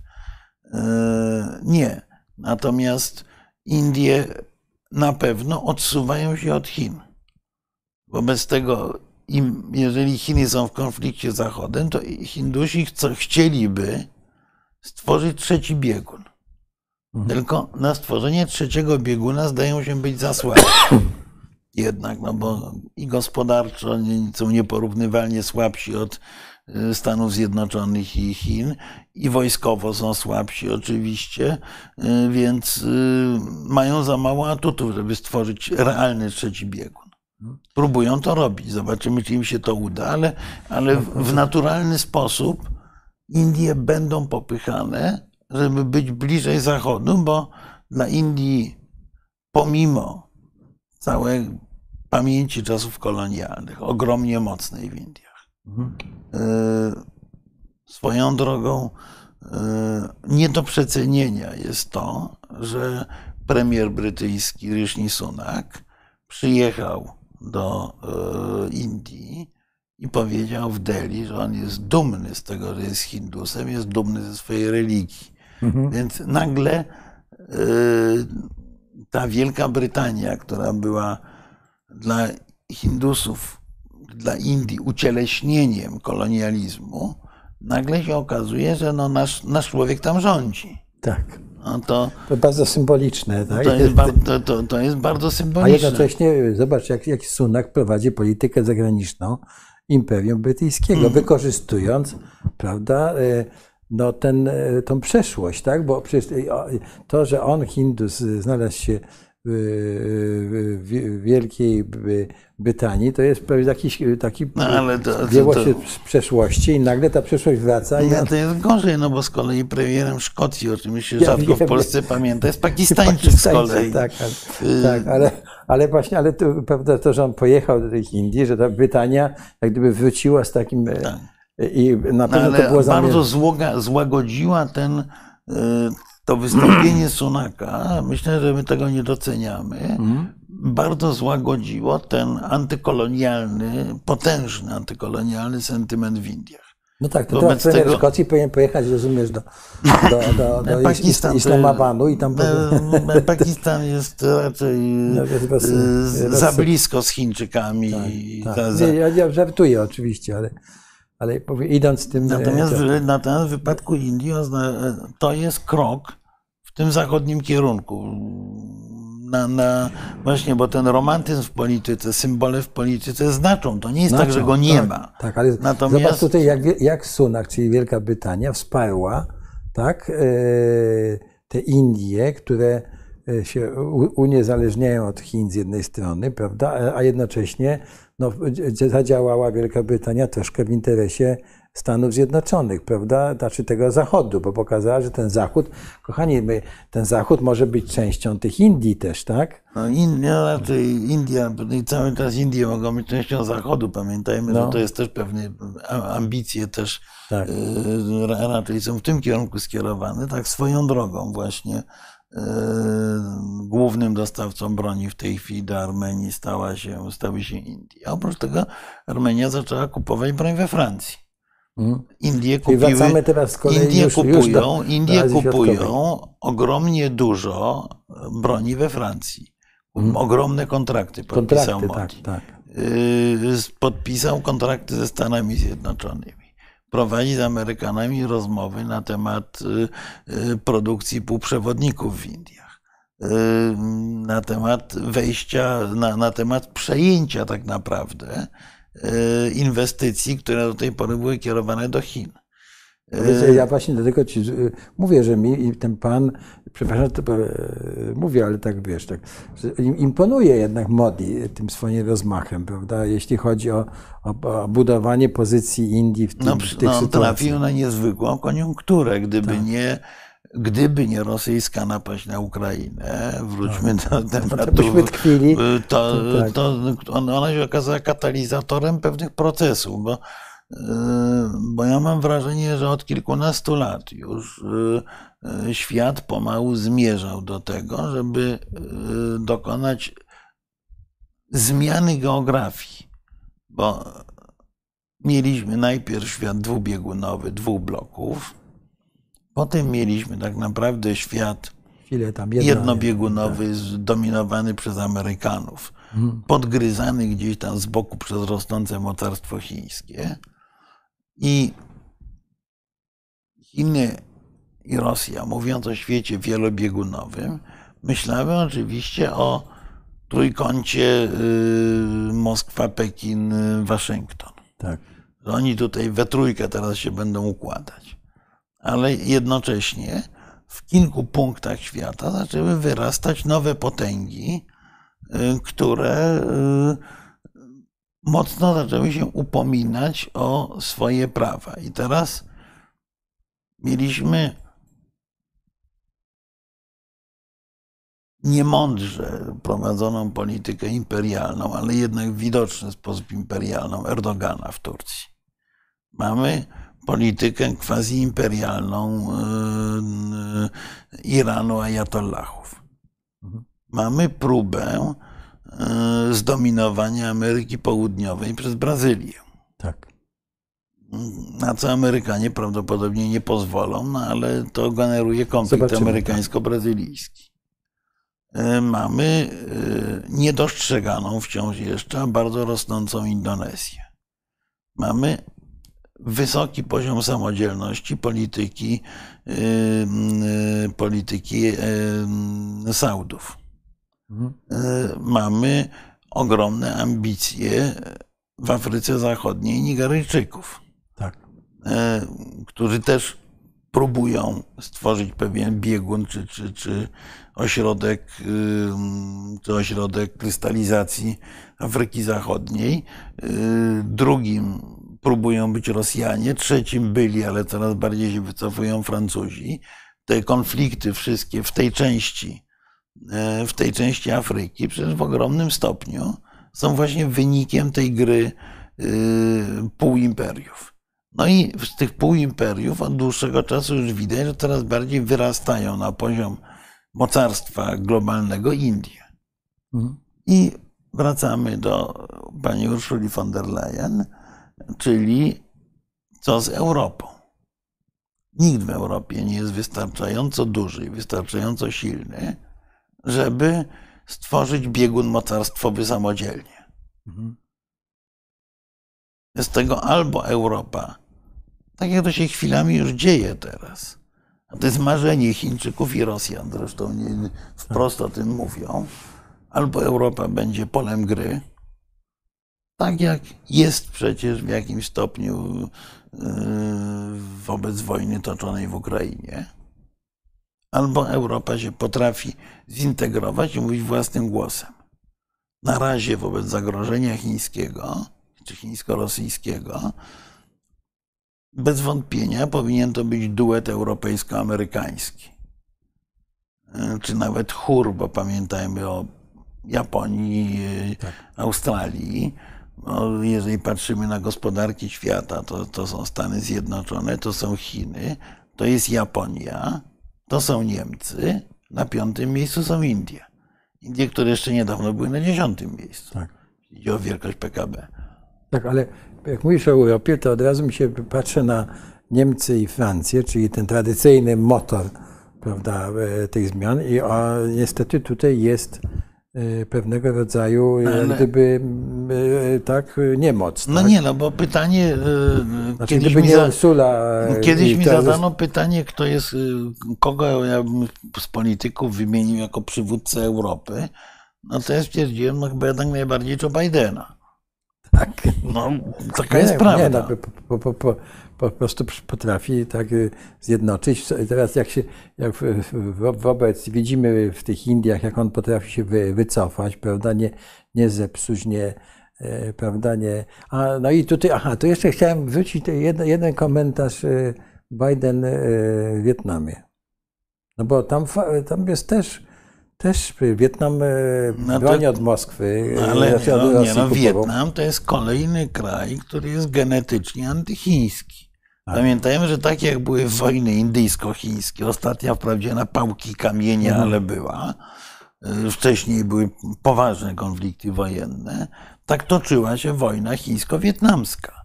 Spór o Morze Południowochińskie to jest w dużej mierze spór chińsko-wietnamski, mhm. czyli y, Amerykanie, mimo że to jest ten kraj, to, to też lekcja dla naszych polityków nikt bardziej nie upokorzył Stanów Zjednoczonych e, e, niż Wietnam.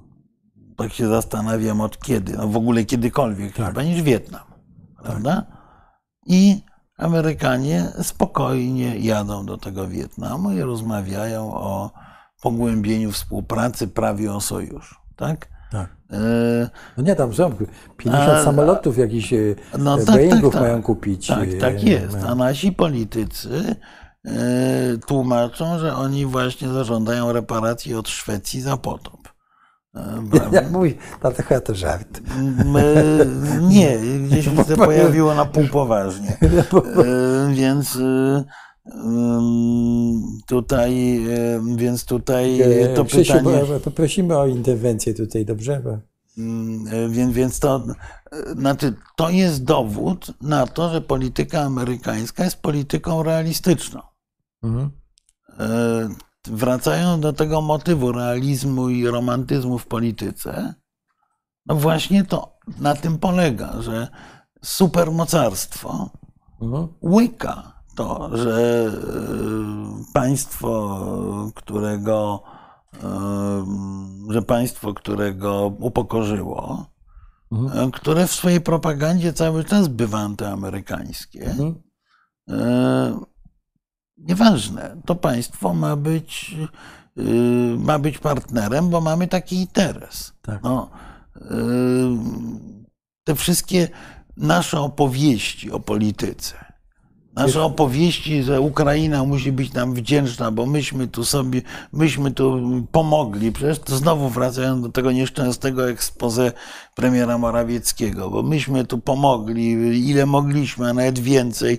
Jest nieprawdą, że Polska najbardziej pomagała e, w przeliczeniu na e, obciążenie ludności najwięcej pomagali Estończycy.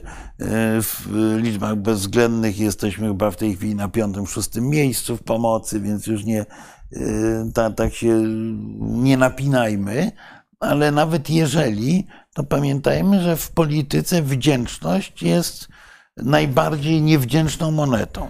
Tak, w ogóle tak zapomnijmy o tym, ale wiesz, jak popatrzyłem na zdjęcia tam były e, tego stołu obrad w Wietnamie, wiesz, e, flagi, wiesz, wietnamska, przeplatana wietnamska Stanów Zjednoczonych, tak. wiesz, i te dwie delegacje, to myślę sobie, kurczę, wiesz, od czasu tego, tych rozmów pokojowych, gdzie one były w Oslo chyba, tak?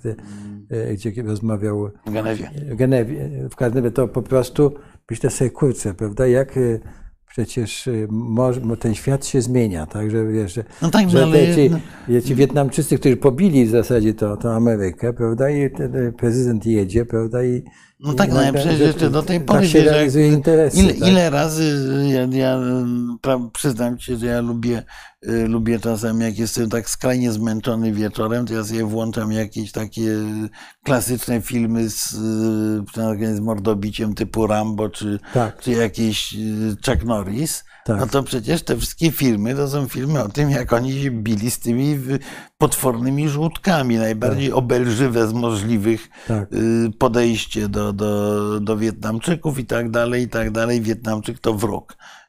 Całe, pokolenia przecież Amerykanów się na tym wychowały. Tak. I y, polityka amerykańska potrafi przejść nad tym do porządku dziennego po, tak. do Wietnamu, do Japonia, y, sojusznik Ameryki, tak? Jeden z głównych, jeżeli nie główny w tej tak. chwili. Y, pamiętajmy, że y, Japończycy no, 80 parę lat temu byli śmiertelnym wrogiem każdy Amerykanin, jakby y, Japończycy w Stanach Zjednoczonych, y, czy Amerykanie japońskiego pochodzenia byli internowani i tak dalej, obrzucili Amerykanie, ich obrzucili bombami atomowymi tak. i nagle y, interes polityczny sprawił, że są razem. Tak, tak ale też no potwierdźmy to, że to dla, dla ludzi, tak, dla mieszkańców było korzyścią dla obu stron. Tak?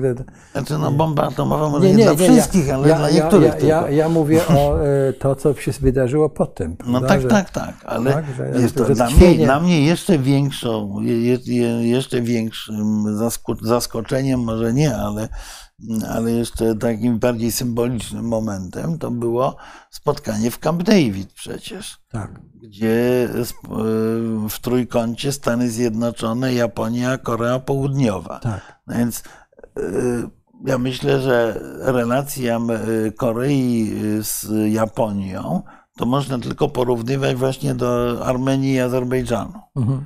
Czy Armenii i Turcji. Tak. Takiej takiej nienawiści, która właściwie połączonej z negatywnym stereotypem narodowym, pogardą i tak dalej. Tak. Zresztą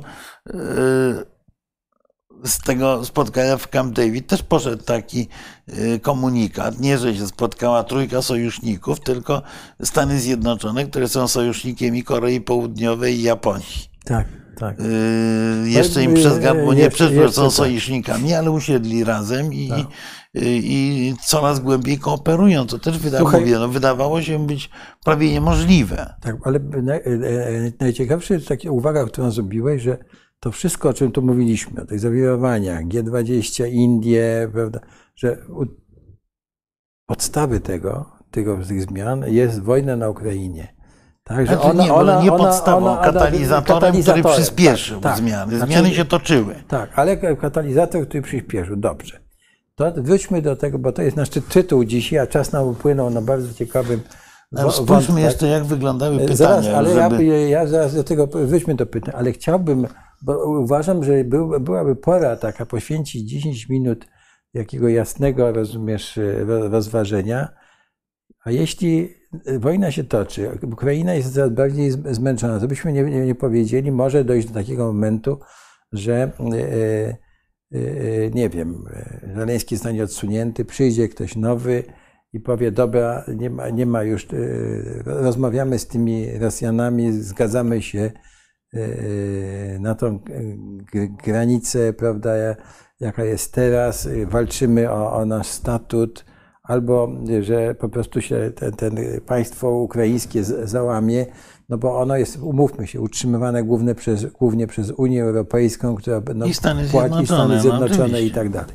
Tak? I, so, i jest taka, ta, tragizm tej wojny polega też na tym, że oni nie mogą wygrać, bo oni nie dostają tyle broni, ile powinni dostać. Dostają no. jej coraz więcej. Problemem za, za chwilę przestanie być broń. Zresztą niektórzy na Ukrainie mówią, że już praktycznie przestaje być broń problemem. Problemem za chwilę będą ludzie. No właśnie. E, I y, bo Ukraina ponosi straszliwe straty. Ale dwie ważne rzeczy. Tutaj jeden z naszych dyskutantów, już nie pamiętam, który w pewnej chwili wspomniał, no znowu o tej Ukrainie już są zmęczeni. No właśnie, no właśnie. znowu o wojnie, tak. Właśnie, wszyscy ile są, można o tym ile można o tym no rozmawiać. No, to jest, to jest no, ale to jest ten, y, znaczy no to y, zapytajmy się kogoś, kto ma, y, nie wiem, wodę w kolanie, jak tak. długo może o tej wodzie w kolanie rozmawiać? Owszem, dla sąsiadów będzie nudny, ale dopóki problemu nie rozwiąże, to nie będzie mógł chodzić. Tak. Yy, no Więc... tak, y, wyporównanie wody w kolanie z wojną to jest tak. No nie, ale, ale, ale, ale, ale dla, tak, znaczy dla porządku światowego jest to, y, jest to zjawisko, które nie pozwala na podjęcie jakichkolwiek prób uporządkowania. Teraz spójrzmy na to, tu jeszcze padło pytanie o Białoruś, White Eagle pyta, to jest ważna kwestia, zaraz za chwilę do niej na moment tak. wrócę.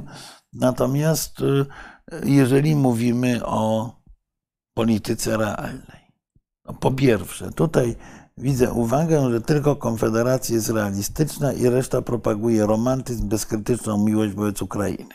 No, e, Myślę, to że to jest pewne uproszczenie. Ogromne uproszczenie. E, natomiast, bo, bo realizm w Konfederacji polega na tym, że w ogóle się. Te... Znaczy, realizm polega na realizacji posiadanymi środkami zdefiniowanych interesów. Tak. Kłopot z y, rządami w Polsce jest taki, że naszych interesów nie zdefiniowały, no ale możemy dorozum, dorozumiewać, że interesem jest Polska uczestnicząca w wewnątrzeuropejskiej grupie decyzyjnej, powiedzmy, prawda, tej mhm. grubej szóstce, piątce, to tak. raz Chociaż być może nie dla wszystkich, no ale, e, ale realnie patrząc, to jest to, co możemy osiągnąć, tak? Możemy osiągnąć dwie rzeczy. W tej, na tej mapie świata Europa zaistnieje jako mocarstwo, czyli będzie dość, choć nie do końca w pełni zintegrowana, żeby występować pod jednym szyldem.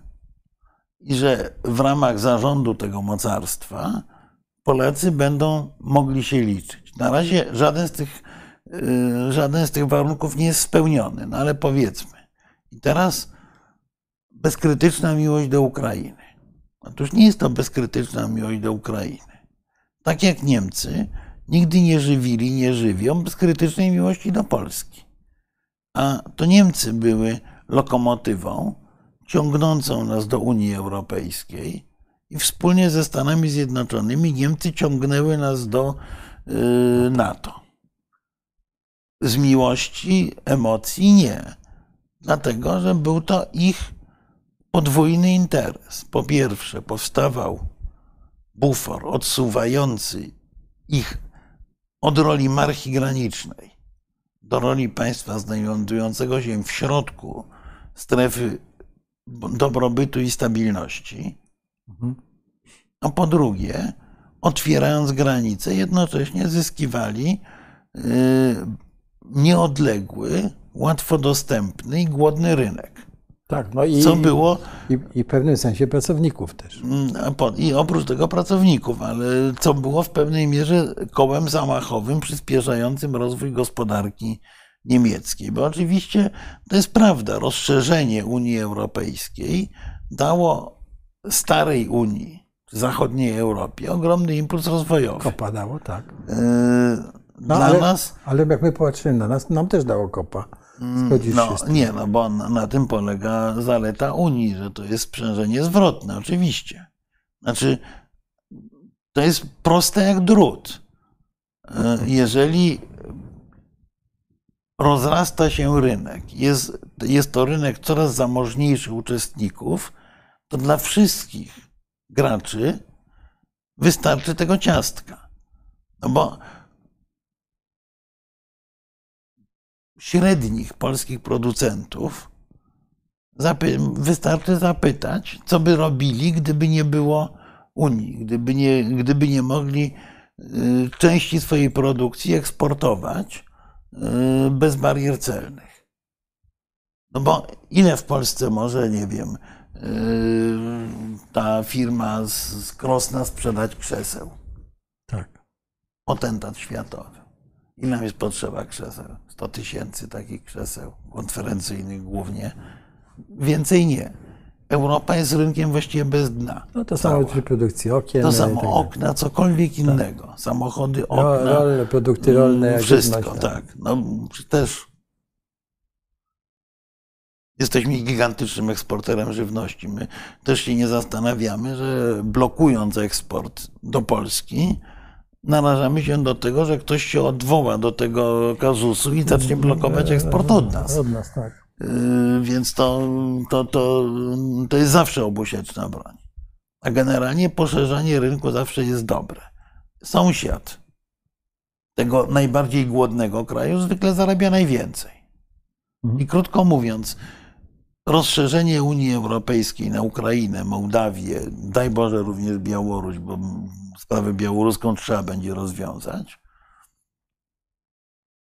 jest dla nas szansą na taki na kopniak rozwojowy, pod jednym warunkiem oczywiście, czyli że nie będziemy siedzieli jak stara baba w kącie, yy, płacząc, że tutaj nas, nasłali na nas tanie produkty, tylko że potrafimy to wykorzystać. I tanią siłę roboczą z Ukrainy, i jednocześnie to, że to jest rynek. Przecież, no dobrze, ale jeśli Ukraina no, Wyobraź sobie, że, wyobraźmy sobie, że y, zamiast y, y, strasznie proukraińskiego i bardzo antyrosyjskiego Mateusza Morawieckiego w gabinecie na y, Alejach Ujazdowskich siedzi Elon Musk. Mhm. On się dowiaduje, że jest wojna. To on sobie pomyśli Aha. Zablokują im zboże. On to myśli, on, on to pomyśli 25 lutego, a nie, tak, tak. a nie zeszłego roku, a nie teraz. A, blokują nam zboże. Chłopaki, budujemy gorzelnię. Będziemy sprzedawać paliwo ze spirytusu. Tak. O cicho, żeby inni tego nie zrobili. Szur, szur, szur, szur. Stawiamy gorzelnie, stawiamy linie kolejowe, y, budujemy instalacje wzbogacania paliwa o spirytus, y, pojawia się zboże ukraińskie, to mamy dwie opcje. Jotka, i taki, taki Elon Musk do, do, do Ursuli von der Leyen. Dobrze by było, żebyśmy się zrzucili jako Unia i dopłacili to, co mówiłem wcześniej, do tego, żeby zboże E, ukraińskie w Gdańsku było w tej samej cenie albo nawet tańsze niż w Odessie. Tak. To nam się per saldo opłaci, bo nie będziemy musieli płacić na ich rząd, bo oni sobie sami sfinansują ze swoich pieniędzy, jak będą mogli eksportować. Tamta się skrzywiła. A to wiesz co? Dobra. To Podpiszmy dyrektywy, że zwiększamy ilość biopaliwa w y, paliwach w Europie jeszcze o 5%. No tak się tutaj troszczy, tak pan premier się tak troszczy o, o tak. przyrodę. No oczywiście, no o niczym innym całym dniem nie myślę. Świetnie.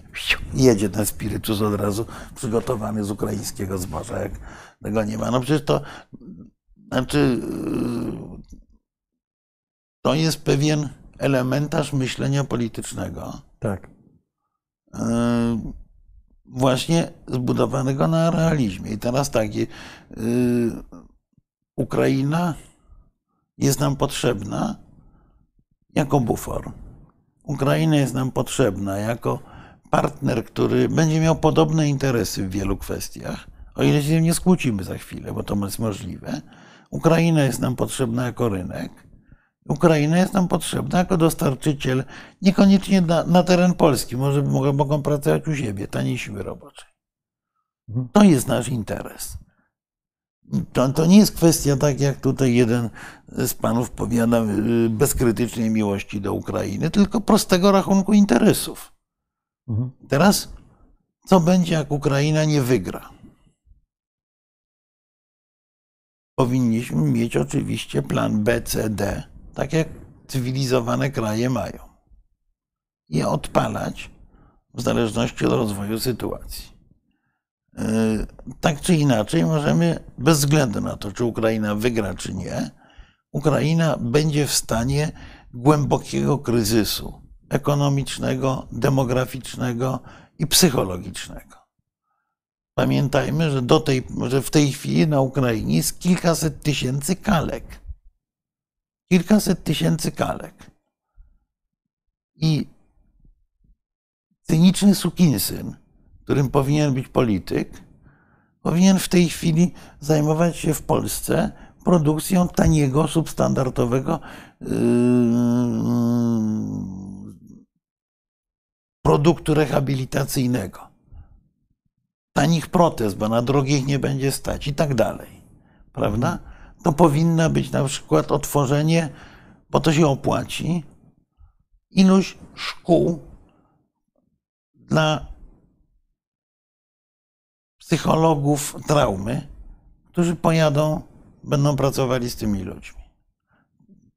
Pewnie takich pomysłów, takich koszyków jest kilkanaście, o których nie, powinniśmy w tej chwili. Jest bardzo myśleć. tragiczne, co by, co byśmy nie powiedzieli. No, no ale, ale, ale, ale, to jest y, realia. No. Tak, ale to nie jest rozmowa o tym, że bądźcie nam wdzięczni, bo realizm polityczny to jest właśnie było widać realizm polityczny w wykonaniu prezydenta Zelenskiego. Dlaczego Zeleński nie przyjechał do Warszawy z pierwszą, ani drugą, ani trzecią wizytą? Jest taki łobuz? Nie. Dlatego, że Warszawa wszystko dała, co miała dać. Już nie miała specjalnie nic do zaoferowania, poza dobrym słowem. A on musiał pojechać no, Każdy dzień wyjazdu z tego bombardowanego Kijowa, czy, czy zagrożonego Kijowa, to, był, to była trudna decyzja. Mhm. Musiał pojechać tam, skąd mógł coś więcej dostać. Być może, i być może to Niemcy mieli rację, ciurkając ten sprzęt dla Ukrainy. Jakby to, y, jakby to po drańsku nie zabrzmiało. Mhm. Ale, ale Ukraina cały czas ma co dostać, prawda, z Niemiec. Z tego jadą do Niemiec, bo jeszcze ileś tysięcy rzeczy, czyli setek rzeczy mogą dostać. A myśmy, zresztą słusznie, bo dzięki temu się pewnie uratowali, rzucili wszystko tak. od razu. I teraz możemy chodzić i ojczyć. Oj, bądźcie wdzięczni. Nie, ale to po prostu y, to akurat nie, no polityka nie ma, nie jest obrzydliwie ale, cyniczna w, tej, tak, ale, w takich kwestiach. Słuchaj, y, no dobrze, jeszcze chciałbym się skończyć. Więc, więc Ukraina w kryzysie będzie. Tak. Będzie Ukraina e, z pretensjami do nas. No, tak. Kto jest najbardziej proukraińską partią w Polsce? Kto najbardziej kocha Ukrainę? No kto? Konfederacja. Ponieważ Konfederacja chce te półtora miliona kobiet ukraińskich i dzieci wyrzucić na Ukrainę. No, bez ich powrotu trudno sobie wyobrazić odbudowę Ukrainy. Po umiarkowanym nawet sukcesie, bo Ukraina nie przegra wojny prawdopodobnie w takiej formule, żeby poniosła, żeby skapitulowała. Jak skapituluje, to, to, to, to jest, to, to dla nas jest to po prostu skrajne nieszczęście i właściwie Właściwie my w tym momencie tracimy pełną suwerenność. Możemy tylko grzecznie słuchać tego, co nam będzie mówił wuj sam i kwatera główna NATO w Brukseli. Nie będziemy mieli cienia marginesu samodzielności, jeżeli by Ukraina przegrała w pełni. Ale jeżeli Ukraina umiarkowanie wygra, to będzie potrzebowała te półtora miliona kobiet. Tak. A oczywiście ogromna część z nich nie chce wracać, nie będzie wracać. Tak, ale y, ogromna część ale, nich... Ale są chłopaki z Konfederacji, może je wyrzucą. Tak, ale kto jest ogromna część z tych kobiet pracuje tutaj, płaci podatki. No tak. tak? Nie, ale my Wy, na tym zyskujemy jako państwo. Jako wypełnia luki. No, ja, tak. E, no ale mamy na szczęście romantycznych zwolenników Ukrainy, które, które te baby wyrzucą. Mhm. To, to tak a propos tego do, do tak. wcipu, kto jest realistyczny, tak. kto jest romantyczny. Tak. Czyli jednym słowem y, Uważasz, że jeżeli Ukraina w znaczy, jakiejś Ukraina formie przegra, obijana, to, całkowicie to my, przegra, to, my, to mamy, znajdziemy się to jest, sytuacji? To, jest, to, to, to, się przenosimy, to się przenosimy od stołu do menu, no, krótko mówiąc. My, my wtedy jesteśmy następni, jesteśmy krajem skrajnie zagrożonym, hmm. który y, mam nadzieję, że się wyleczy ze złudzeń, że się sam obroni. Bo się nie obronimy. To, to mam nadzieję. Mnie po prostu przeraża ten brak świadomości tego, e, ale, w jakiej sytuacji jesteśmy. No dobrze, to... no, ale to tak warto by się popatrzeć na armię ukraińską właśnie. Na to, co tam się dzieje. Bo oczywiście ogromna część naszych polityków i obywateli ma takie kolonialne myślenie, że ta Ukraina to jest coś gorszego. Nie, to jest armia mnożnikowo silniejsza od polskiej w tej chwili. No, będzie, kto wie, czy jest najlepszą armią świata, jeśli chodzi o doświadczenie bojowe, o strzelanie i tak dalej. Po prostu to, e, no, pewnie porównanie z Amerykanami, jeśli Amerykanie też się tak. to, toczyli ileś konfliktów, no, ale, ale oprócz tego jest ta armia wyszkolona, dobrze uzbrojona i tak dalej. Mhm. Także, to, czyli także nasza sytuacja będzie wtedy. Je, je, więc ta, jeżeli ta armia sobie nie daje rady, to my się po prostu z, z, z, od stołu do menu przenosimy. przenosimy. Wtedy jesteśmy krajem pozycją, pozycją, absolutnie zagrożonym, e, który e, tak jak było 30 lat temu, jeździ jak dziad proszalny po, po świecie. Mhm. Pomóżcie nam, pomóżcie nam. Czyli tak jak Żeleński teraz, tak my możemy się Nie, dużo tak gorzej. Będzie, będzie... Dużo gorzej. Bo w odróżnieniu od Zeleńskiego myśmy nie, nie, nie mieli tak złej sytuacji wyjściowej. Mhm. Jasne. Ale to, jest, to nie jest bardzo prawdopodobna wersja. Bardziej prawdopodobna jest taka, że dochodzi do jakiegoś pod naciskiem świata, ze zmęczenia, dochodzi do jakiegoś zgniłego pokoju. Mhm. E, I być może warto e, uważnie poczytać, uważnie, znowu właśnie nie z romantycznym takim mhm. zacięciem, poprzyglądać się temu, jak wyglądała sytuacja Gruzji po 2008 roku. Prawda? Gruzji, która była absolutnie zjednoczona przeciwko Rosji. Mhm. I która mhm. z miesiąca na miesiąc e, ten, ta determinacja słabła. Oczywiście cały czas pewnie połowa albo większość Gruzinów jest w sposób absolutnie jasny anty, antyrosyjska. Ale to nie 90%. Bez tego na Ukrainie też podobne procesy by trwały. No bo po pierwsze, nie będzie żadnego pokoju. Może być zawieszenie broni jakieś. Mhm. Mniej lub bardziej trwałe. Y, to zawieszenie broni będzie przypominało trochę tę relację ormiańsko-azerską. Rosja jest jednak większa, ma większe rezerwy i dużo szybciej będzie w stanie uzupełniać swoje mhm. zasoby. I zagrozić znowu. Czyli wiadomo, że nie, nie, nie będzie to pytanie, czy napadnie, tylko kiedy napadnie. Tak. Y, i teraz, a z kolei na Ukrainie możemy mieć do czynienia z czymś, co ja określam mianem syndromu weimarskiego. Po tak olbrzymich ofiarach, po tak potwornych zniszczeniach, jakie Ukraińcy przeżyli, e, oni nie będą wdzięczni, tylko będą, będą uważali, że zostali zdradzeni. Tak że wbito im nóż w plecy, że armia ukraińska walczyła bohatersko, tylko te Zginęło to łobuzy na parę setek tysięcy na, tak, tylko zginęło. Te, te, ci gnoje, te kupczyki na zachodzie wbiły nam nóż w plecy, bo nawet nie potrafili dowieść tych paru pocisków, żebyśmy mogli tak. te, tego, tą hydrę rosyjską pokonać, prawda? Więc tak. Może się zacząć fala nacjonalizmu, w dużej mierze zwrócona przeciwko Polsce, bo Polska przez te manewry eksportowo-zbożowo. No, no, to byśmy nie powiedzieli, to, wiesz, to, to, to jest nóż w plecy, moim zdaniem, wiesz. No to może. To, to... Kraju, który walczy. No, no, no Marek, no bardzo cię przepraszam. No, no. Nie jest to może nóż w plecy. No nie, nie. My nie mówimy, że nie chcemy, my nie mówimy, że nie chcemy tranzytu ukraińskiego. My mówimy, że nie chcemy kupować ich zboża. Mamy tutaj pełne podstawy akurat, żeby go nie kupować, zwłaszcza go nakupiliśmy już bez sensu.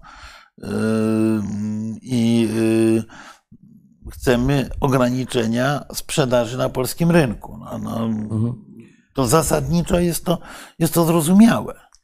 To nie jest tak, że, że, że to jest jakiś dziki pomysł, tylko sposób wprowadzenia tego jest dziki. Natomiast sam pomysł no, jest rozsądny, tylko powinniśmy po prostu zaoferować coś w zamian.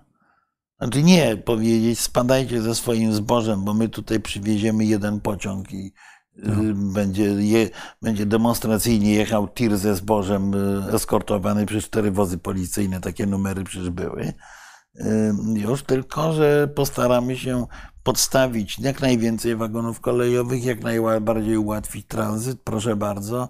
Dopłacimy wam nawet, żeby to, żeby to zboże się dalej sprzedawało, tylko nie ładujcie ich na nasz rynek. Mhm. To, to akurat jest ok, tylko, no, akurat, to... tylko mówię, no zabraliśmy się do tego oczywiście od najgorszej możliwej strony. W najgorszy sposób. Tak. W sposób demonstracyjny, który y, na Ukrainie zostanie odebrany bardzo źle. Mhm. Widać już ten, ten, ten zły odbiór, bo, y, bo to nie powinno być, to nie powinno być tak, że przecież ogłaszamy embargo na zboże ukraińskie, tylko mówimy o ograniczeniu handlu produktami rolnymi konkretnych kategorii z Ukrainy na polskim rynku. Oznacza to mniej więcej to samo. Yy, tutaj więc, mamy masę pytań, więc. Yy, tak, już, tak, mam już za kwadrans ósma, więc. Tak, tak ale no, znaczy nie, no mówiąc, ten, mówiąc krótko, perspektywy, na Ukrainie, perspektywy są marne, mhm. bo stuprocentowe zwycięstwo Ukrainy, mało prawdopodobne, oczywiście spowodowałoby nieprawdopodobną falę takiego nacjonalistycznego uniesienia. Z Ukraińcami byłoby trudno rozmawiać. Wersja E, jakiegoś kompromisu będzie owocowała syndromem weimarskim, mhm. że było zabawniej nie tylko na Ukrainie, również w Rosji. Mhm. Rosjanie uważają to samo, tylko w drugą stronę. Klęska Ukrainy jest dla nas kompletną klęską. Żadne rozwiązanie nie jest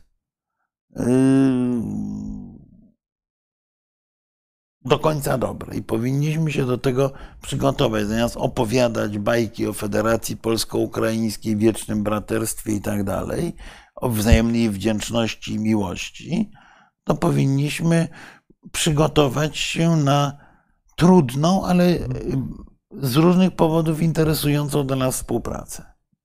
Wysypały się nam e, pytania. I tak, nie, nie, oczywiście nie pan Marek Kazimierczak właśnie, to jest klasyka e, myślenia romantycznego. Polska nie zdąży wyjść z Unii Europejskiej, bo Unia Europejska szybciej się rozpadnie. Nie, proszę pana. Yy, nie, absolutnie się nie rozpadnie. To znaczy. Za, za dobrze jest krajom, które są rdzeniem Unii, jest za dobrze w niej. Zresztą proszę zobaczyć i posłuchać tego dzisiejszego znaczy, znaczy, Unia,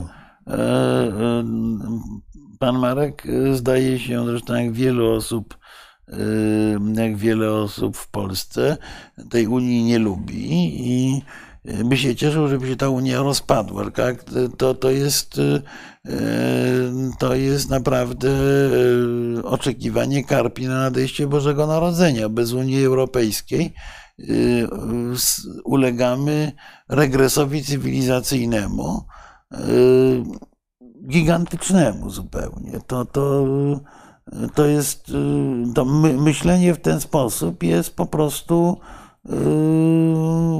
no, wbijaniem sobie gwoździa w kolano. No, no można, tylko, tylko po co? No powinniśmy na głowie stawać, żeby, y, żeby tę Unię wzmocnić, bo to jest nasz interes. No. Niemcy sobie bez Unii jeszcze jako tako poradzą. Y, prawdopodobnie będą półkolonią rosyjską albo, albo czymś takim wtedy. Wielka Brytania stanie się półkolonią Indii, a my tak y, spadniemy do rangi no, tak. Białorusi bis. No, no tak, jeżeli o to nam chodzi, to, to, to okej. Okay, no. Tak, ale ja uważam, że to się nie, niestety nie stanie i że to jest. Znaczy, prostu, na szczęście to jest, się nie stanie. To jest niezrozumienie tego, jak e, e, Unia się za, głęboko zakorzeniła, wiesz, w, w tych krajach rdzeniowych, e, jak, jak wszyscy są zadowoleni z tej roli Niemiec w Unii, wiesz, Holendrzy, prawda, Belgowie i tak dalej, Francuzi też, to po prostu nie, nie, to jest, to jest jakieś takie myślenie, nie wiem skąd to się bierze. No, Niemcy, Niemcy genera generalnie Niemcy w tej Unii słabną. Ich rola słabnie wbrew pozorom. Tak, słabnie. Natomiast, y, natomiast problemem jest y, to, że y, Europa Zachodnia w większej części ma zakodowane w swoim myśleniu poczucie europejskiej jedności. Pamiętajmy, że Europa cały czas, teoretycznie oczywiście, od upadku Cesarstwa Rzymskiego Europa cały czas była jednością. Był jeden cesarz, yy, był jeden papież. To się oczywiście była reformacja, wszystko inne, ale w mózgach Europejczyków nawet te wojny... Było poczucie, tak, było poczucie, to są, to są właściwie wojny domowe, że jest, domowe, Europa tak, jest jedna. To jest tradycja pokoju westfalskiego, mhm. prawda, że e, były wojny, potrafiliśmy sobie się urządzić. To jest e, w pewnej mierze Kongresu Wiedeńskiego. Tak, my, jesteśmy, my byliśmy w takim trochę przeciągu pomiędzy między Orientem i Europą. Tak niby byliśmy tą Europą, ale niepełną Europą, a, a potem jeszcze y, lata sowietyzmu nam to do, dokładnie z głowy, a wcześniej zaboru rosyjskiego nam to z głowy wybiły. Tak. Y, I u nas tego poczucia, że Europa jest naturalną jednością, nie ma. Nie ma. Tego, znaczy, co, stąd się bierze to, że my tego, co jest nie u Duńczyka, tego... u Holendra, y, u Szwajcara, nawet, który nie jest w Unii Europejskiej, u Włocha, u nas tego w tym backgroundzie kulturowym nie ma. Raczej jest właśnie ta sarmacka odrębność. Tak. Y, I to jest, to jest kłopot. Natomiast generalnie Unia Europejska jest powrotem do źródeł w jakiejś mierze. Y, I raczej się nie rozpadnie, może natomiast osłabnąć na tyle, że nie będzie miała zewnętrznego, wspólnego wyrazu politycznego. Może y, Unia może się zredukować do y, Unii gospodarczej z y, jakimś takim wewnętrznym kręgiem ściśle zintegrowanym. To jest możliwe. My wylandujemy wtedy na peryferiach, natomiast na pewno się nie rozpadnie, bo no, interesy. Dobrze jest tym, tym Niderlandczykom, robiły teraz z tym, że są te służące z Polski, słuchaj. E, także... Służące z Polski to z Ukrainy i tak mogą przyjeżdżać. No, tak, problem, więc... pro, problem polega na tym, że e, dobrze to będzie wtedy, jak będą przyjeżdżały e, służące z Niderlandów do Polski. No, ale wiesz, właśnie to, to powinien być nasz e, cel. No nie, no, ale to jest tak jak. Nie, bo e, ten, ten chyś antyniemiecki, który mnie nie, nie ukrywam, irytuje, e, powinien być przełożony na myślenie takie, jakie jest często w Irlandii o Wielkiej Brytanii. Czyli takiej zdrowej rywalizacji. Pamiętam, jak premier Irlandii mówił z dumą, że właśnie, to było dobre parę lat temu, że właśnie y, nareszcie mamy więcej gastarbeiterów przyjeżdżających z Anglii do nas niż od nas do, od nas do Wielkiej tak. Brytanii. To powinna być ambicja. Irlandczycy y, byli wyżynani w historii przez Brytyjczyków, boję się, że gorzej niż my przez Niemców. Tak. Y, nie słyszałem, żeby Irlandia żądała reparacji od Wielkiej Brytanii. Tak. Więc natomiast, natomiast poczucie rywalizacji, takiej pewnego zagrożenia, nawet tam jest, owszem, tak. tylko, tylko Irlandczycy potrafili to przekuć na, na sukces gospodarczy. No w tej chwili Irlandczycy nawet są w, tak, przez to, że są w Unii, są, tak powiem, lepszej pozycji niż Brytyjczycy, bo zdaje się, tam były sondaże wielkie. Ale już nawet, nawet wielkie, jeszcze jak Brytyjczycy byli w Unii, to już Irlandia ich wyprzedzała, jeśli tak, o Tak, ale w tej chwili te sondaże w Wielkiej Brytanii są takie, że to już sięga, to powód, do, do, żeby wrócić do Unii, to już 70% Brytyjczyków się wy, wypowiada.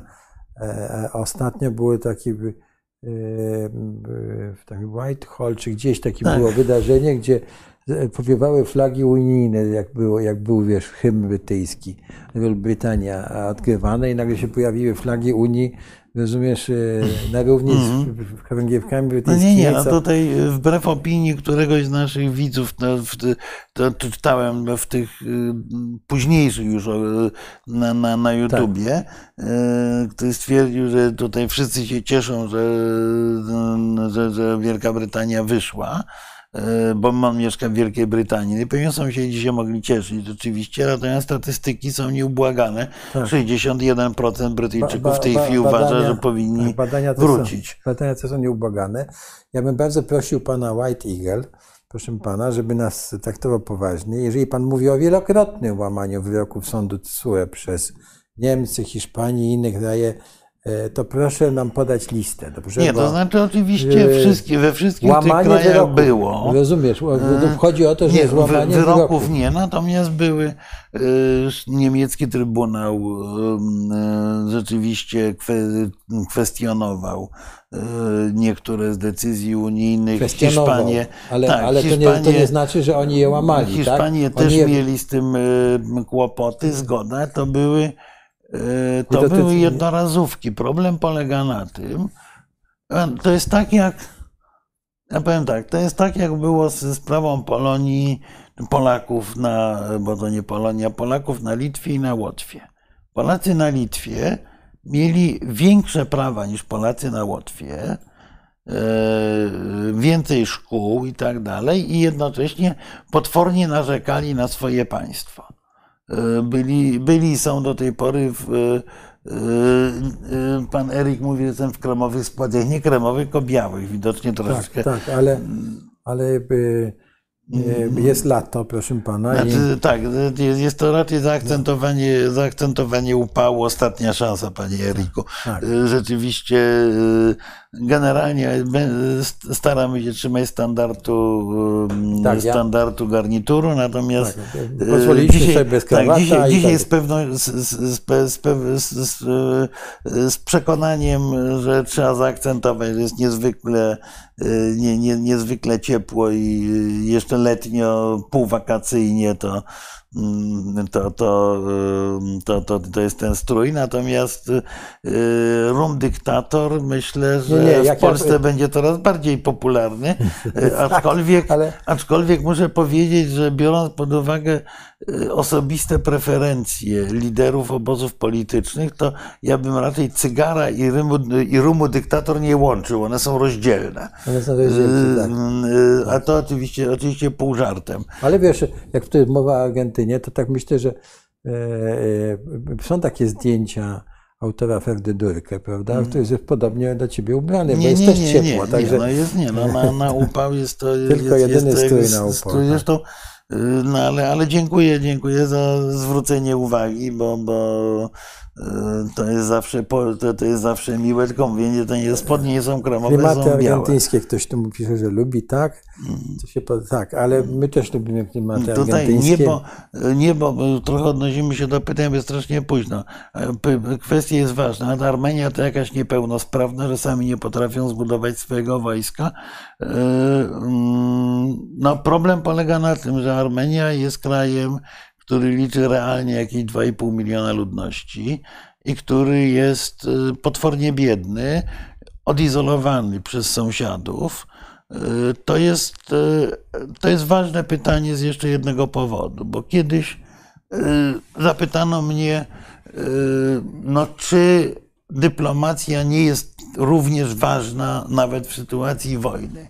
Moja odpowiedź była taka, że dyplomacja jest 100 razy ważniejsza, że dyplomacja wygrywa wojnę. Otóż y, gdyby Armenia nie, nie doprowadziła się sama przy współpracy rosyjskiej, bo to była rosyjska polityka, y, do sytuacji izolacji, do sytuacji, w której praktycznie nie miała granic, przez które można y, przejeżdżać, przez które można normalny ruch towarów prowadzić, to byłaby prawdopodobnie w dużo lepszej sytuacji.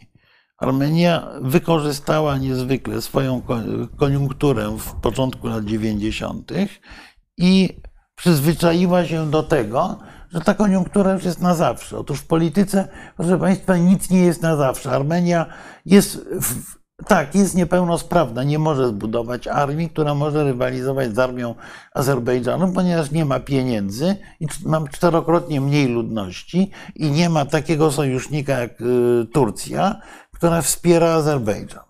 Wobec tego tak, jest w jakimś sensie niepełnosprawna. Y, Widzę, że to cię zdenerwowało.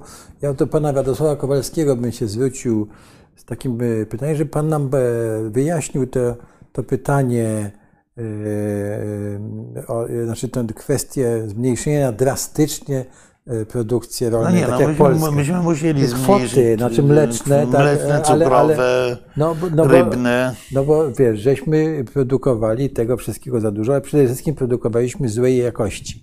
Tak? I, nie, no nawet nie złej jakości jest ich za dużo i to, to tutaj i, pan Radosław postawił dobre pytanie, tylko, e, tylko e, obawiam się, że Ukraina nie otrzyma tego, e, tego szlabanu, nazwijmy, mówiąc językiem bardzo potocznym, ponieważ Ukraina będzie dramatycznie potrzebowała pieniędzy na odbudowę. I pytanie będzie takie, czy Pan Schmidt albo Jan Kowalski ma w swoich podatkach płacić na odbudowę Ukrainy, czy raczej y, machnąć ręką na to, że y, ukraińskie zboże y, i maliny i kukurydza i słonecznik płyną do Europy. Myślę, że Kowalski stwierdzi, że to ma czy Schmidt, czy dowolny Nowak w Czechach stwierdzi, że no, to jest chyba oczywiste. Będę miał tańszy chleb i nie będę płacił podatku, albo odwrotnie. Tak. Bo mhm. to będzie uderzało tylko w, w niewielką w skali europejskiej grupę rolników. Ale chciałbym zwrócić jeszcze panu Kowalskiemu uwagę, że to, za to zmniejszenie produkcji były dopłaty, tak? czyli, czyli miało ich nie być. Tak? E, że, że, wtedy jednak ta polska ekipa, która negocjowała, przypomnijmy, że to były, było SLD z PSL-em, prawda, e, no, postawiła sprawę na ostrzu nożu i jednak te dopłaty e, wynegocjowali. I to takie są dramatyczne sceny w pamiętnikach różnych osób, którzy te negocjacje prowadzili. Tak, no na tej stronie, którą y- odsłoniłeś, to padło jeszcze jedno ważne pytanie, że muszę, mhm. muszę się odnieść do, do, do reklamy człowieka Xboxa, czy, czy lokowania produktu, bo mowa jest o paleniu papierosów. Niestety palę. E, nie palę Mal, Malboro, nie będę wymieniał marki, ale, ale na pewno nie Malboro. Jak nie, to, Lucky Strike no, nie, nie, nie, nie, nie, Tak jak armia amerykańska. Nie, nie, nie, nie, nie, nie, nie. I mówię, nie będę reklamował, zwłaszcza, że e, no generalnie e, staram się w tej chwili palić raczej te podgrzewane papierosy, przynajmniej odchodzić od, od, od papierosów, bo to, że słyję kaszę palacza, to mnie, to mnie bardzo martwi. Tak, ale Sowieci niczego nie oddadzą. Ma pan rację, pan Jan Jan. No, pisze, tak. bo już ich nie ma. Znaczy ale, jest Rosja, tak? Ale są, rozumiem, mental, mentalni, mentalnie, tak. mentalni Sowieci też niczego nie oddadzą. E, tak, jedziemy dalej z pytaniami. Ludzie z historią gmina za narkotyki plus nie mają szans na wynajem dla... Tak, tutaj, bo to była dyskusja mm. o tym, że można przejrzeć historię kredytową mm. każdego w Szwecji. Otóż, proszę pana, historię... Obawiam się, że w całym e, świecie cywilizowanym w całym świecie można cywilizacyjnym to zrobić. można to zrobić. Można też y, zapewniam przejrzeć, pan, jak to płaci podatki. Tak, w Polsce państwa, nie można. Że, zapewniam Państwa, że można de facto przejrzeć wszystko. Jest pytanie wyłącznie, nie, kto ja mówię, to robi, kto ma. Ale pozyskanie dostępu do tak, tych ale, informacji ale, jest. Ale y, nawet jest. Y, w wielu krajach jest dostępny twój, rozumiesz, ile podatków płacisz i ile, mhm. ile, ile, ile zarabiasz, bo to po prostu jest jak gdyby otwartość, czy jesteś dobrym obywatelem, czy nie, i ludzie się godzą na to. No tak. tak u nas y, wszystko jest tylko e, bardzo ukryte i tajne. Tak, no pan Radosław w tym miejscu Rosji w Armenii chcą wejść Indie. Właśnie trochę wchodzą. No jeszcze, no, no oczywiście nie mają tradycji geopolitycznej nawet takiej tam wchodzić.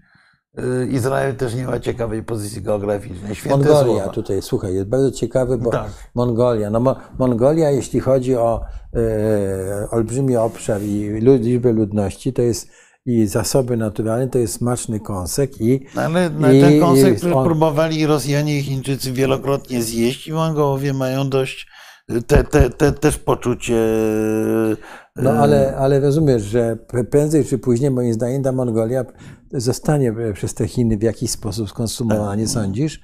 Znaczy, I... no Chińczycy na, że było zabawniej, bardziej nawet na Tajwanie niż, niż w Chinach kontynentalnych.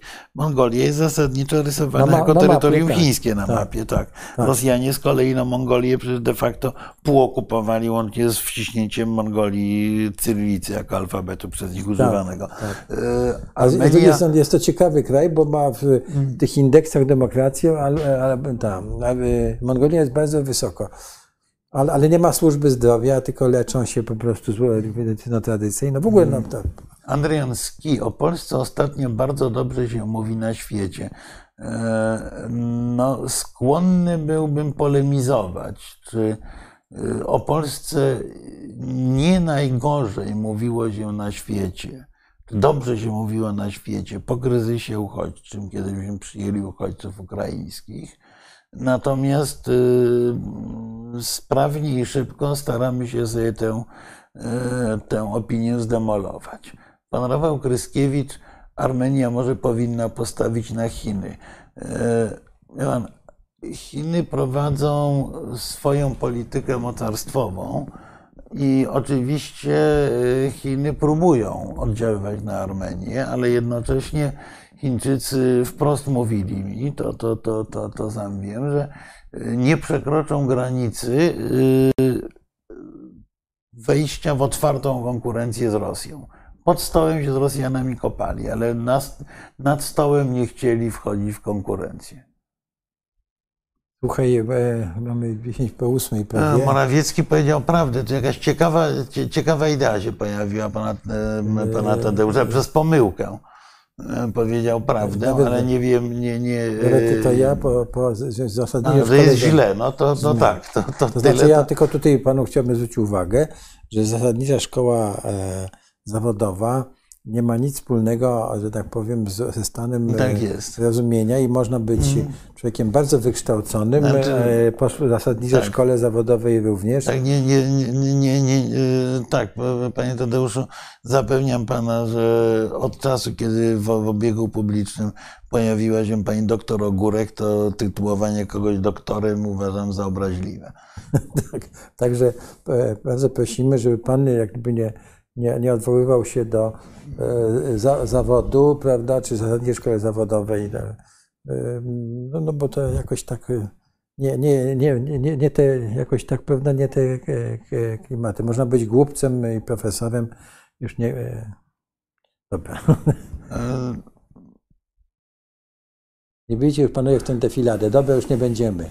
Nie, o, nie, o defiladzie już nie, nie dyskutujemy, bo defilada tak, była sama w sobie ładna. No, tak, nie, ale, ale nie, myśmy, nie, myśmy mówili o czymś zupełnie innym. myśmy nie, mówili nie, o pewnym modelu Nie e, uwaga, uważamy, że daliśmy ciała, proszę pana, absolutnie i w to będę brnął.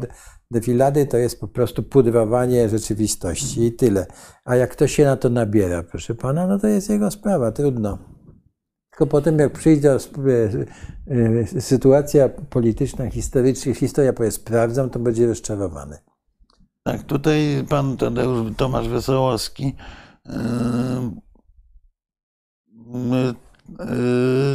ma pan trochę nieaktualne informacje. Już, już Indie nie kupują najwięcej broni w Federacji Rosyjskiej. Nawet chyba też zrezygnowali z helikopterów. Które... Z helikopterów tych tak. szturmowych zrezygnowali, a nie tylko. Kontrakt na łodzie podwodne również przenieśli i według mojej wiedzy znacząco ograniczają zakupy broni w Rosji. Hindusi próbowali utrzymywać pewien balans, a poza tym pamiętajmy, że to jest coś, czego my nie robimy.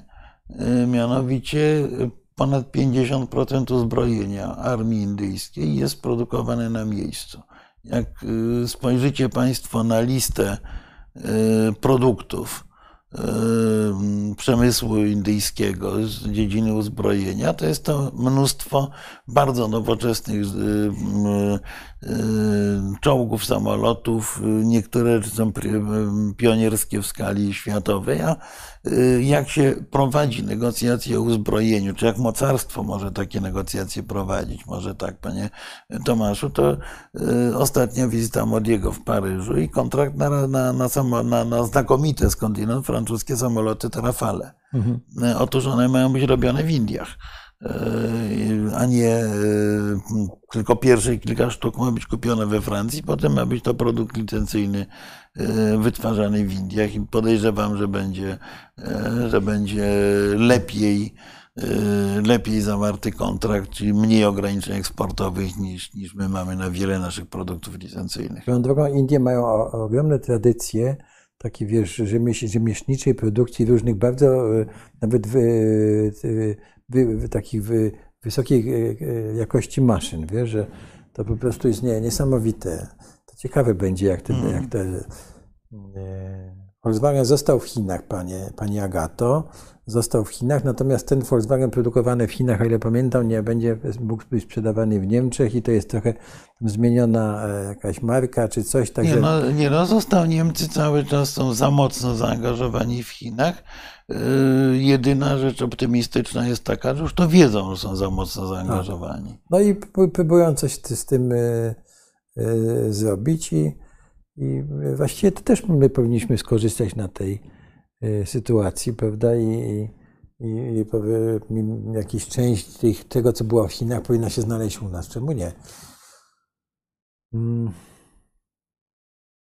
film do Indii będzie dywersyfikacja, to możemy się zgodzić. Niemcy za Chinach, Azja, do Indii. Dobrze. No to jest kwestia, wewnętrznego e, systemu e, politycznego w Polsce. To, to rozumiem, to jest pokłosie tej debaty o tym, kto kreuje politykę zagraniczną. No ja sobie pozwolę e, zwrócić Pani Agato uwagę, że posiadamy w Polsce konstytucję. Ta konstytucja jasno definiuje, jaki jest w Polsce system. Dopóki ktoś nie potrafi zdobyć wystarczającego wsparcia, żeby tę konstytucję zmienić, a powinno się ją zmienić, dodajmy, w wielu rzeczach, to nie będzie to, to elementarny szacunek do systemu prawnego unieważnia to pytanie. Politykę artykuł 146 Konstytucji stwierdza jasno i bez jakichkolwiek zastrzeżeń, że politykę zagraniczną prowadzi Rada Ministrów. Czyli nie jest nawet wymieniony minister spraw zagranicznych, to odpowiedzialność ponosi premier i Rada Ministrów, bo jedynym ministrem wymienionym w Konstytucji jest minister obrony narodowej. Tak. Więc tutaj tu, tu, tu, tu nie, nie, ma, nie ma sporu po prostu. Są próby zmieniania tego systemu nie tylko i, i wyłącznie teraz, bo tą konstytucję próbowali, próbowali naginać wszyscy od Aleksandra Kwaśniewskiego poczynając, natomiast no, gdzieś są granice naginania. Polacy nigdy nie potrafią tego dylematu rozstrzygnąć. Myślę, że potrafią. E, tylko nikt e, Polaków o to uczciwie nie zapytał. Tak. Ja też e, bym tutaj polecał pani Agacie taką książkę, chyba 50 różnego rodzaju naukowców, ludzi. Oni napisali taką książkę Umówmy się na Polskę i tam bardzo ciekawie piszą o tym, że trzeba właśnie zmienić zmienić kraj, bo jest nie, znaczy system rządu, bo jest nie, niewydolny. Tak, STIK 44, ważna rzecz, y, sporo tu bzdur wypowiedzi. No, ja bym... Jak Ukraina może być, ja prosił, że nie używanie określenia bzdur, głupot i tak dalej. Tak, to, od, ja muszę powiedzieć, że jestem niesłychanie Państwu wdzięczny za bardzo merytoryczną debatę. Tak. Natomiast trzymajmy się norm, tak, bo nie najgorzej nam to wszystko wychodzi. Panu... Natomiast jak, e, jest meritum tutaj. Jak Ukraina może być konkurencją jakościową dla unijnego rolnictwa, skoro oni nie spełniają tych cudownych norm? Otóż spełniają te normy właśnie. E, w ogromnej części spełniają normy e, europejskie a przy niewielkim wysiłku będą spełniali je całkowicie, więc niestety normami ich nie zablokujemy. Tak, ale jeszcze tylko dodam tutaj, że proszę pana, jeśli chodzi o ukraińskie rolnictwo, to y, y, ono ma 30 tam y, powiedzmy sobie milionów hektarów, czyli już prawda, jedna trzecia z tego jest w rękach prywatnych rolników, dwie trzecie chyba jest, należy do dużych koncernów. Głównie te, europejskich. Te duże to... koncerny są europejskie i te duże koncerny swoimi technologiami i sposobem uprawy szybko, jeśli te, gdzieś tam te normy nie są spełnione, szybko one zostaną spełnione, bo po prostu yy, yy, inaczej się nie da tym zbożem handlować, czy tymi, tymi, tymi produktami. Tak, Także ważna, już, już, spełniają i będą spełniać. Także ważna to... rzecz, pan Tomasz Wesołowski, na Krymie było referendum, ale ono jest B, bo, bo wygrała ludność rosyjska. Otóż, panie Tomaszu, nie było referendum na Krymie. W ten sposób rozumiem, że e, ludność, e, że ludność krajów bałtyckich z entuzjazmem opowiedziała się w 1940 roku za przystąpieniem do Związku Sowieckiego, a Polacy entuzjastycznie przyjęli sowieckie paszporty na Kresach Wschodnich. No, niestety to referendum, podobnie jak referendum na terenach okupowanych Ukrainy, to nie było referendum, tylko było to działanie władz okupacyjnych okupacyjnych. Y, stąd, y, stąd była próba tej legalizacji i uznania, że się przeprowadzi referendum pod kontrolą międzynarodową, które istotnie najprawdopodobniej Rosjanie by wygrali, dlatego chcieli to zrobić. Y, tutaj bardzo słuszna uwaga pani Agaty Stasiak, że, że nikt nie mówi w tym tekście o strukturze, ale o integralności te, przed obecną fazą konfliktu, bo o to chodzi, że właśnie, że tak. e, po 1989 e, roku podpisaliśmy, wszystkie kraje podpisały, czy większość europejskich, Rosja też kartę paryską, w której było mówione, jak można zmienić granice, prawda? Bo, bo, nie było tak, że nie można zmienić granic, prawda? I, i, I rzecz idzie o to, prawda, że Rosja zmieniła swoje granice w paru przypadkach w ogóle prawem kaduka, jeśli chodzi no, tak, o. Tak. Więc y, tutaj jest bardzo ciekawa, uwaga pani Agaty. Natomiast ten problem prawny, y, do którego się pani Agata odnosi, jeśli mówimy o, o Krymie, y, to, to nie jest do końca tak, ponieważ Krym miał status Republiki Autonomicznej. Autonomicznej. Podobnie jak Górski Karabach na przykład miał status okręgu autonomicznego. W Sowietach te, te, te, te autonomie, zgodnie z, ze stalinowską konstytucją, w momencie, bo, bo, oczywiście konstytucja stalinowska opisywała przecież opcję rozwiązania Związku Radzieckiego tak. i wtedy one miały prawo wypowiadania się na temat republiki, a okręgi autonomiczne nie akurat. Miały, prawo do, miały mieć prawo do wypowiedzenia się na temat, e, na temat swojej przyszłości. Człowiek Xboxa mi mówi, że za dużo do, o Armenii.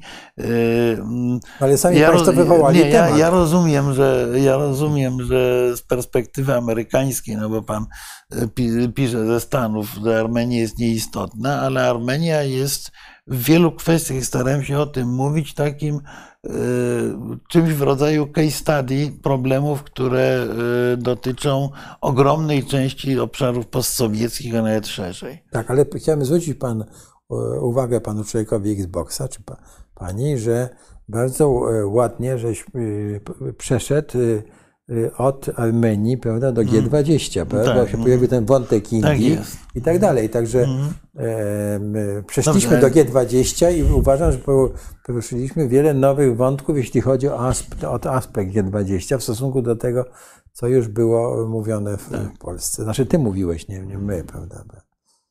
Tak, żeby postawia nogę, gdy konia kują, prawda, to nie. E,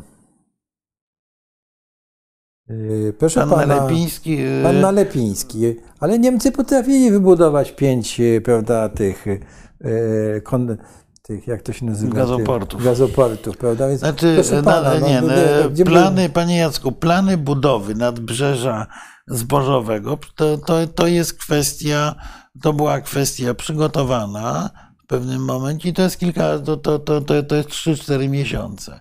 E, poza tym bardzo bym prosił o niemówieniu o bzdurach. Skąd wagony, lokomotywy?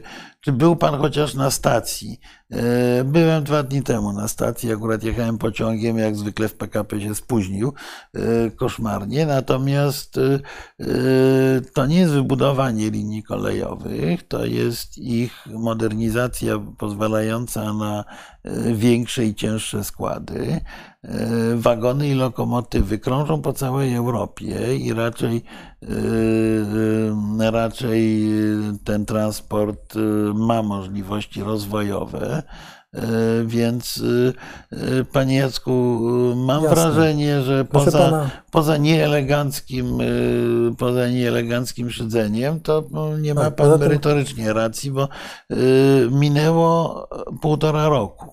W ciągu półtora roku Stany Zjednoczone e, w, po napaści japońskiej na Pearl Harbor zdołały uruchomić taśmową niemal produkcję lotniskowców, prawda? Tak. E, więc no, nie oczekujemy lotniskowców, oczekujemy tego, że 300 kilometrów linii kolejowych zostanie dodatkowo wzmocnionych, miejscami zmodernizowanych i że nadbrzeża portowe y, w dwóch czy trzech polskich portach będą zdolne do szybkiego i sprawnego przeładunku tak, zboża.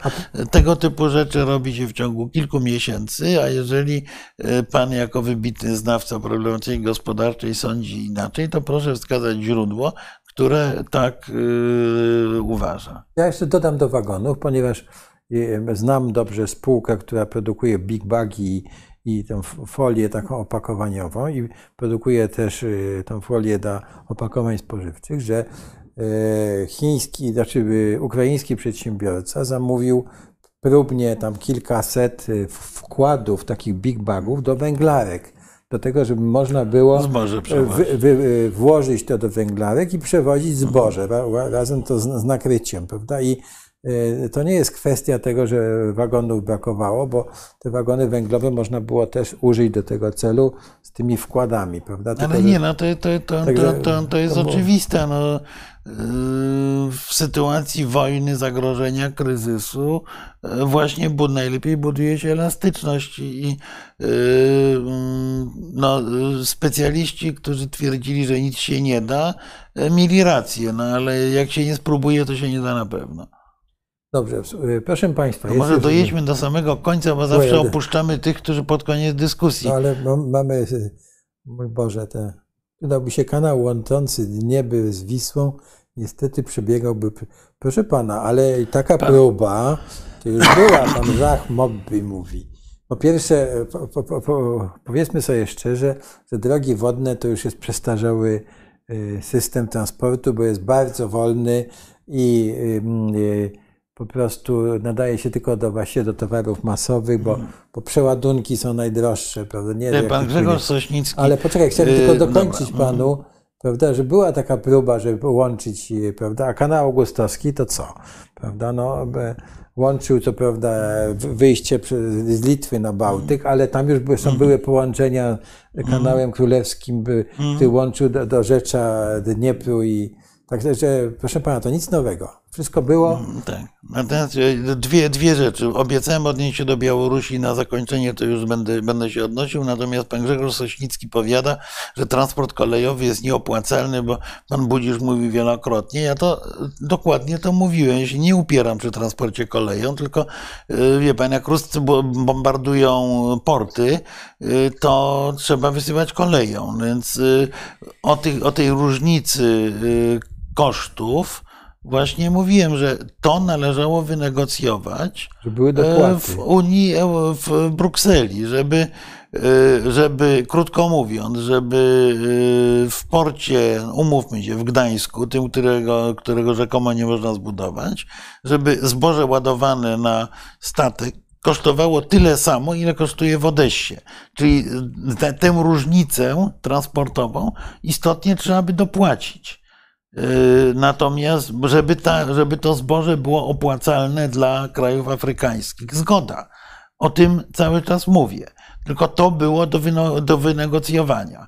Bo jeżeli pisze pan o 25 dolarach za tonę, powiedzmy, no to yy, za 10 milionów ton, tak, to jest 250 milionów dolarów.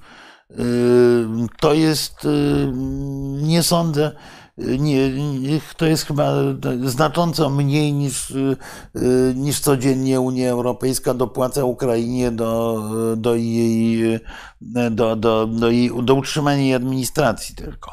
Więc y, umówmy się, że to jest y, naprawdę, naprawdę niewielka suma przy sumach wydatkowanych w Europie. I oczywiście to by musiało być zrobione.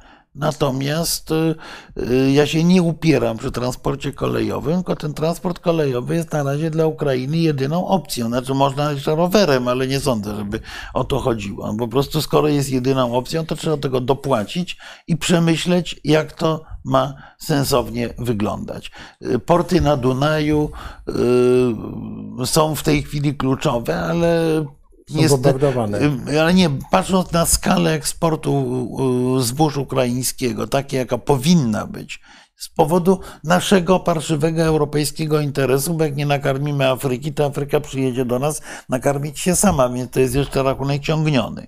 Y, to, y, to warto do tego dopłacić po prostu. A kto by na tym zarabiał? Polskie koleje. To jest naprawdę czysty biznes, tylko trzeba się do niego przygotować. Tutaj jest dużo e, uwag o Pani Eliza, że bicie piany, bo to nie jest żywotny problem Polski. Jest to żywotny problem Polski. Yy, istotnie część składowa, bo tych żywotnych problemów Polski jest znacząco więcej. Ale pani Eliza Szatan też nam mówi, że my powinni, zajmujemy się tym światem, a Polska ma swoje problemy. Hmm. Otóż proszę pani, no taka jest formuła naszej, nie, tak powiem, rozmowy. Tym, że my mówimy o pewnym sensie o efekcie motyla. Mhm. To znaczy, żeby zrozumieć dobrze naszą sytuację, to my no, przenosimy się w naszych, że tak powiem, refleksyjnych komentarzach w różne miejsca mhm. świata, żeby sprowadzić to wszystko do Polski i stąd e, żeśmy powiedzieli, prawda, że wojna na Ukrainie była katalizatorem tego, co się mhm. dzieje a, a ten katalizator jest tuż obok nas i my jesteśmy w tym procesie. Tak, poza tym pani tak, Eliza tylko... nie ma racji, bo to nie e, to e, polityka międzynarodowa, miejsce Polski na e, mapie świata jest w tej chwili najważniejszym problemem Polski wbrew pozorom. I za, nie, obawy, nie chciałbym, żeby nasze dzieci i wnuki się o tym przekonywały. I NAF obiecałem Białoruś na samym początku, zagrożenie, zagrożenie niepodległości Białorusi. Tak. Yy, zgadzam się z Pawłem Łatuszką, że takie plany, Rosjanie mają takie plany i problem polega na tym, że czy wygrają, czy przegrają, E, może być z tym problem. Jak przegrają całkowicie w Ukrainie, co daj Boże, będą chcieli sobie to zrekompensować jakimś sukcesem i najłatwiej będzie przyłączyć Białoruś. Jak wygrają, to będą, to będą mieli z kolei na tyle dużą e, siłę przebicia polityczną, że będą mogli zaanektować Białoruś. Powinniśmy, a nie robimy tego, już pracować w tej chwili nad zmontowaniem solidnej międzynarodowej koalicji dodajmy, nie, nie powinna to koalicja składająca się z Polski, Litwy i Łotwy, bo to trochę za mało, na rzecz obrony niepodległości Białorusi. Popełniliśmy w tej kwestii przez ostatnie kilkanaście czy dwadzieścia lat całe mnóstwo błędów. Trzeba to poodkręcać. Dzwoni ostatni dzwonek rzeczywiście, bo jeżeli Białoruś straci formalną niepodległość, to będzie ogromny kłopot dla całej Europy, łącznie nie tylko dla Polski, nie tylko dla Bałtów, nie tylko dla Ukrainy, ponieważ Europa się nie domknie.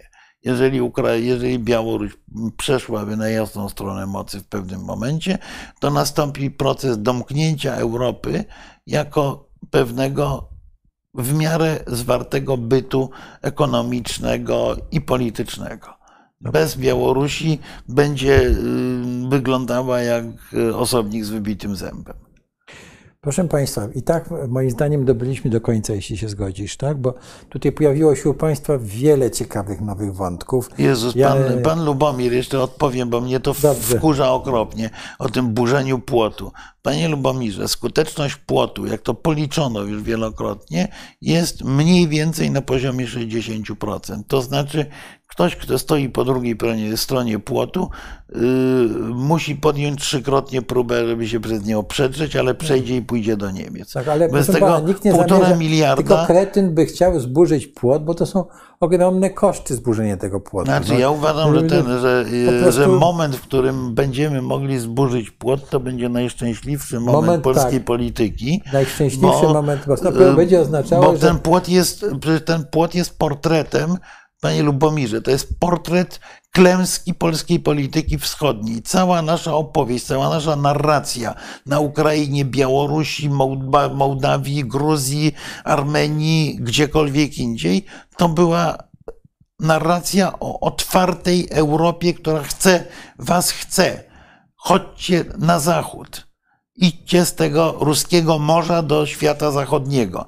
Po czym, jak oni y, chcą iść do świata zachodniego, akurat nie chcą, ale to inna sprawa, tym walnęliśmy za półtora miliarda płot. Proszę pamiętać, że ten płot y, odgradza też Białoruś od nas, to słusznie zauważyłeś. I to rzeczywiście, jak będziemy mogli ten płot zdemontować, to już będzie to byłby niebywały nie, sukces, ale oczywiście sukces, tak. E, dopóki, do, do, do, dopóki ludzie służą jako broń yy. dla reżimu Łukaszenki i Putina, no to, no to jakieś, jakieś pozytywy ten płot ma.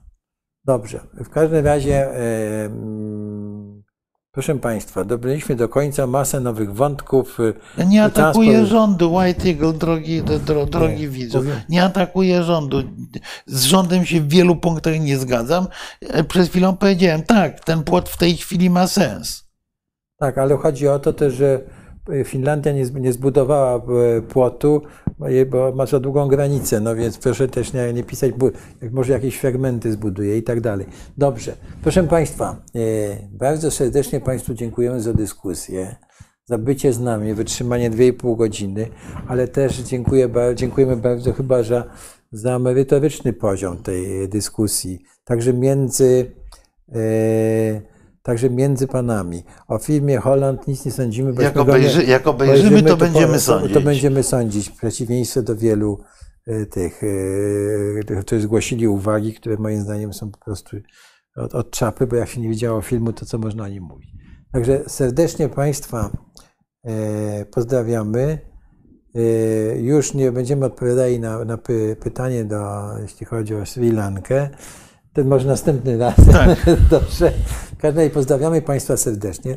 O co byśmy prosili? Żeby zwrócić uwagę y, na to, jak e, przemówienie Ursuli von der Leyen, bo to jest może tam coś ciekawego, y, na przeczytanie, wysłuchanie Marka Budzisza, przeczytanie Marka Budzisza w tym, o tym tekście w Nowej Konfederacji, bo odnosi się do rzeczy, o których tu mówiliśmy. Prosimy też o śledzenie e, E, różnych komunikatów e, wojennych, prawda, i, i analiz, jeśli chodzi o wojnę, no bo jak gdyby ona w tej chwili jest taki krytyczny moment, kiedy wydaje mi się, że jest takie przewartościowanie, że już przestają ludzie mówić o ciągle tak jak w naszym, e, przez czym przestrzegaliśmy o tym hura optymizmie, jeśli chodzi o, o, o wojnę i jej, jej zakończenie. Moim zdaniem to wchodzi w ogóle w nową, nową fazę. Znaczy, jakby się nie zakończyła, to nie będzie tak uroczo, jak wydaje się w tej romantycznej opowieści o wspaniałym zwycięstwie. Tak. W każdym razie zapraszamy Państwa za, za tydzień. Za tydzień plus jeden, wracamy plus do jeden, czwartku. Tak. I e, powiemy może wtedy więcej o, o Sri Lance i o innych, innych kwestiach i wrócimy jeszcze do Europy. Może omówimy to, co Ursula von der Leyen powiedziała w tym State of the Union i tak dalej, i tak dalej. Także serdecznie Państwu dziękujemy za obecność. Proszę zwrócić uwagę, że nasze rozmowy się toczą czasami Y, państwo nas tak, no prowokują, tak jak dzisiaj. Tak, chaotycznie, ale staramy się być z tak. Państwem tak, w dialogu. W dialogu, ale też no, staramy się, y, tak powiem, y, poszerzać naszą wiedzą, wiedzę dzięki Państwu i także w dyskusji z Państwem zwracać Państwu na jakieś nowe aspekty. Serdecznie pozdrawiam. Pozdrawiamy i bardzo dziękujemy. Bardzo dziękujemy. Pan Adrian, pan Adrian był na Sri Lance? To ciekawe. Bo mnie tam niesłychanie podobała. Ale nie, bo tam rzeczywiście. Ale Sri Lanka rzeczywiście jest tematem, y, łącznie z Malediwami. Bo ma świetną herbatę ostatnio kupiłem właśnie ze Sri Lanki. No nie, no ja na, na Sri Lance byłem w tych, na tych farmach, tak. gdzie herbatę podają, tak. rzeczywiście doskonałą. Tak. E, natomiast finansowo wykończyli, e, wykończyli jednak Chińczycy, kredyty chińskie. Panie e, Krzysztofie, ten, pana Zdzisława to usuniemy, dobrze, bo Tutaj nie będziemy, nie będziemy, że tak powiem, Holland von der Rosji. To nie, nie nasze. nasze. Okay. Dobrze? Dobranoc, dziękujemy dobranoc, Państwu. Dobranoc.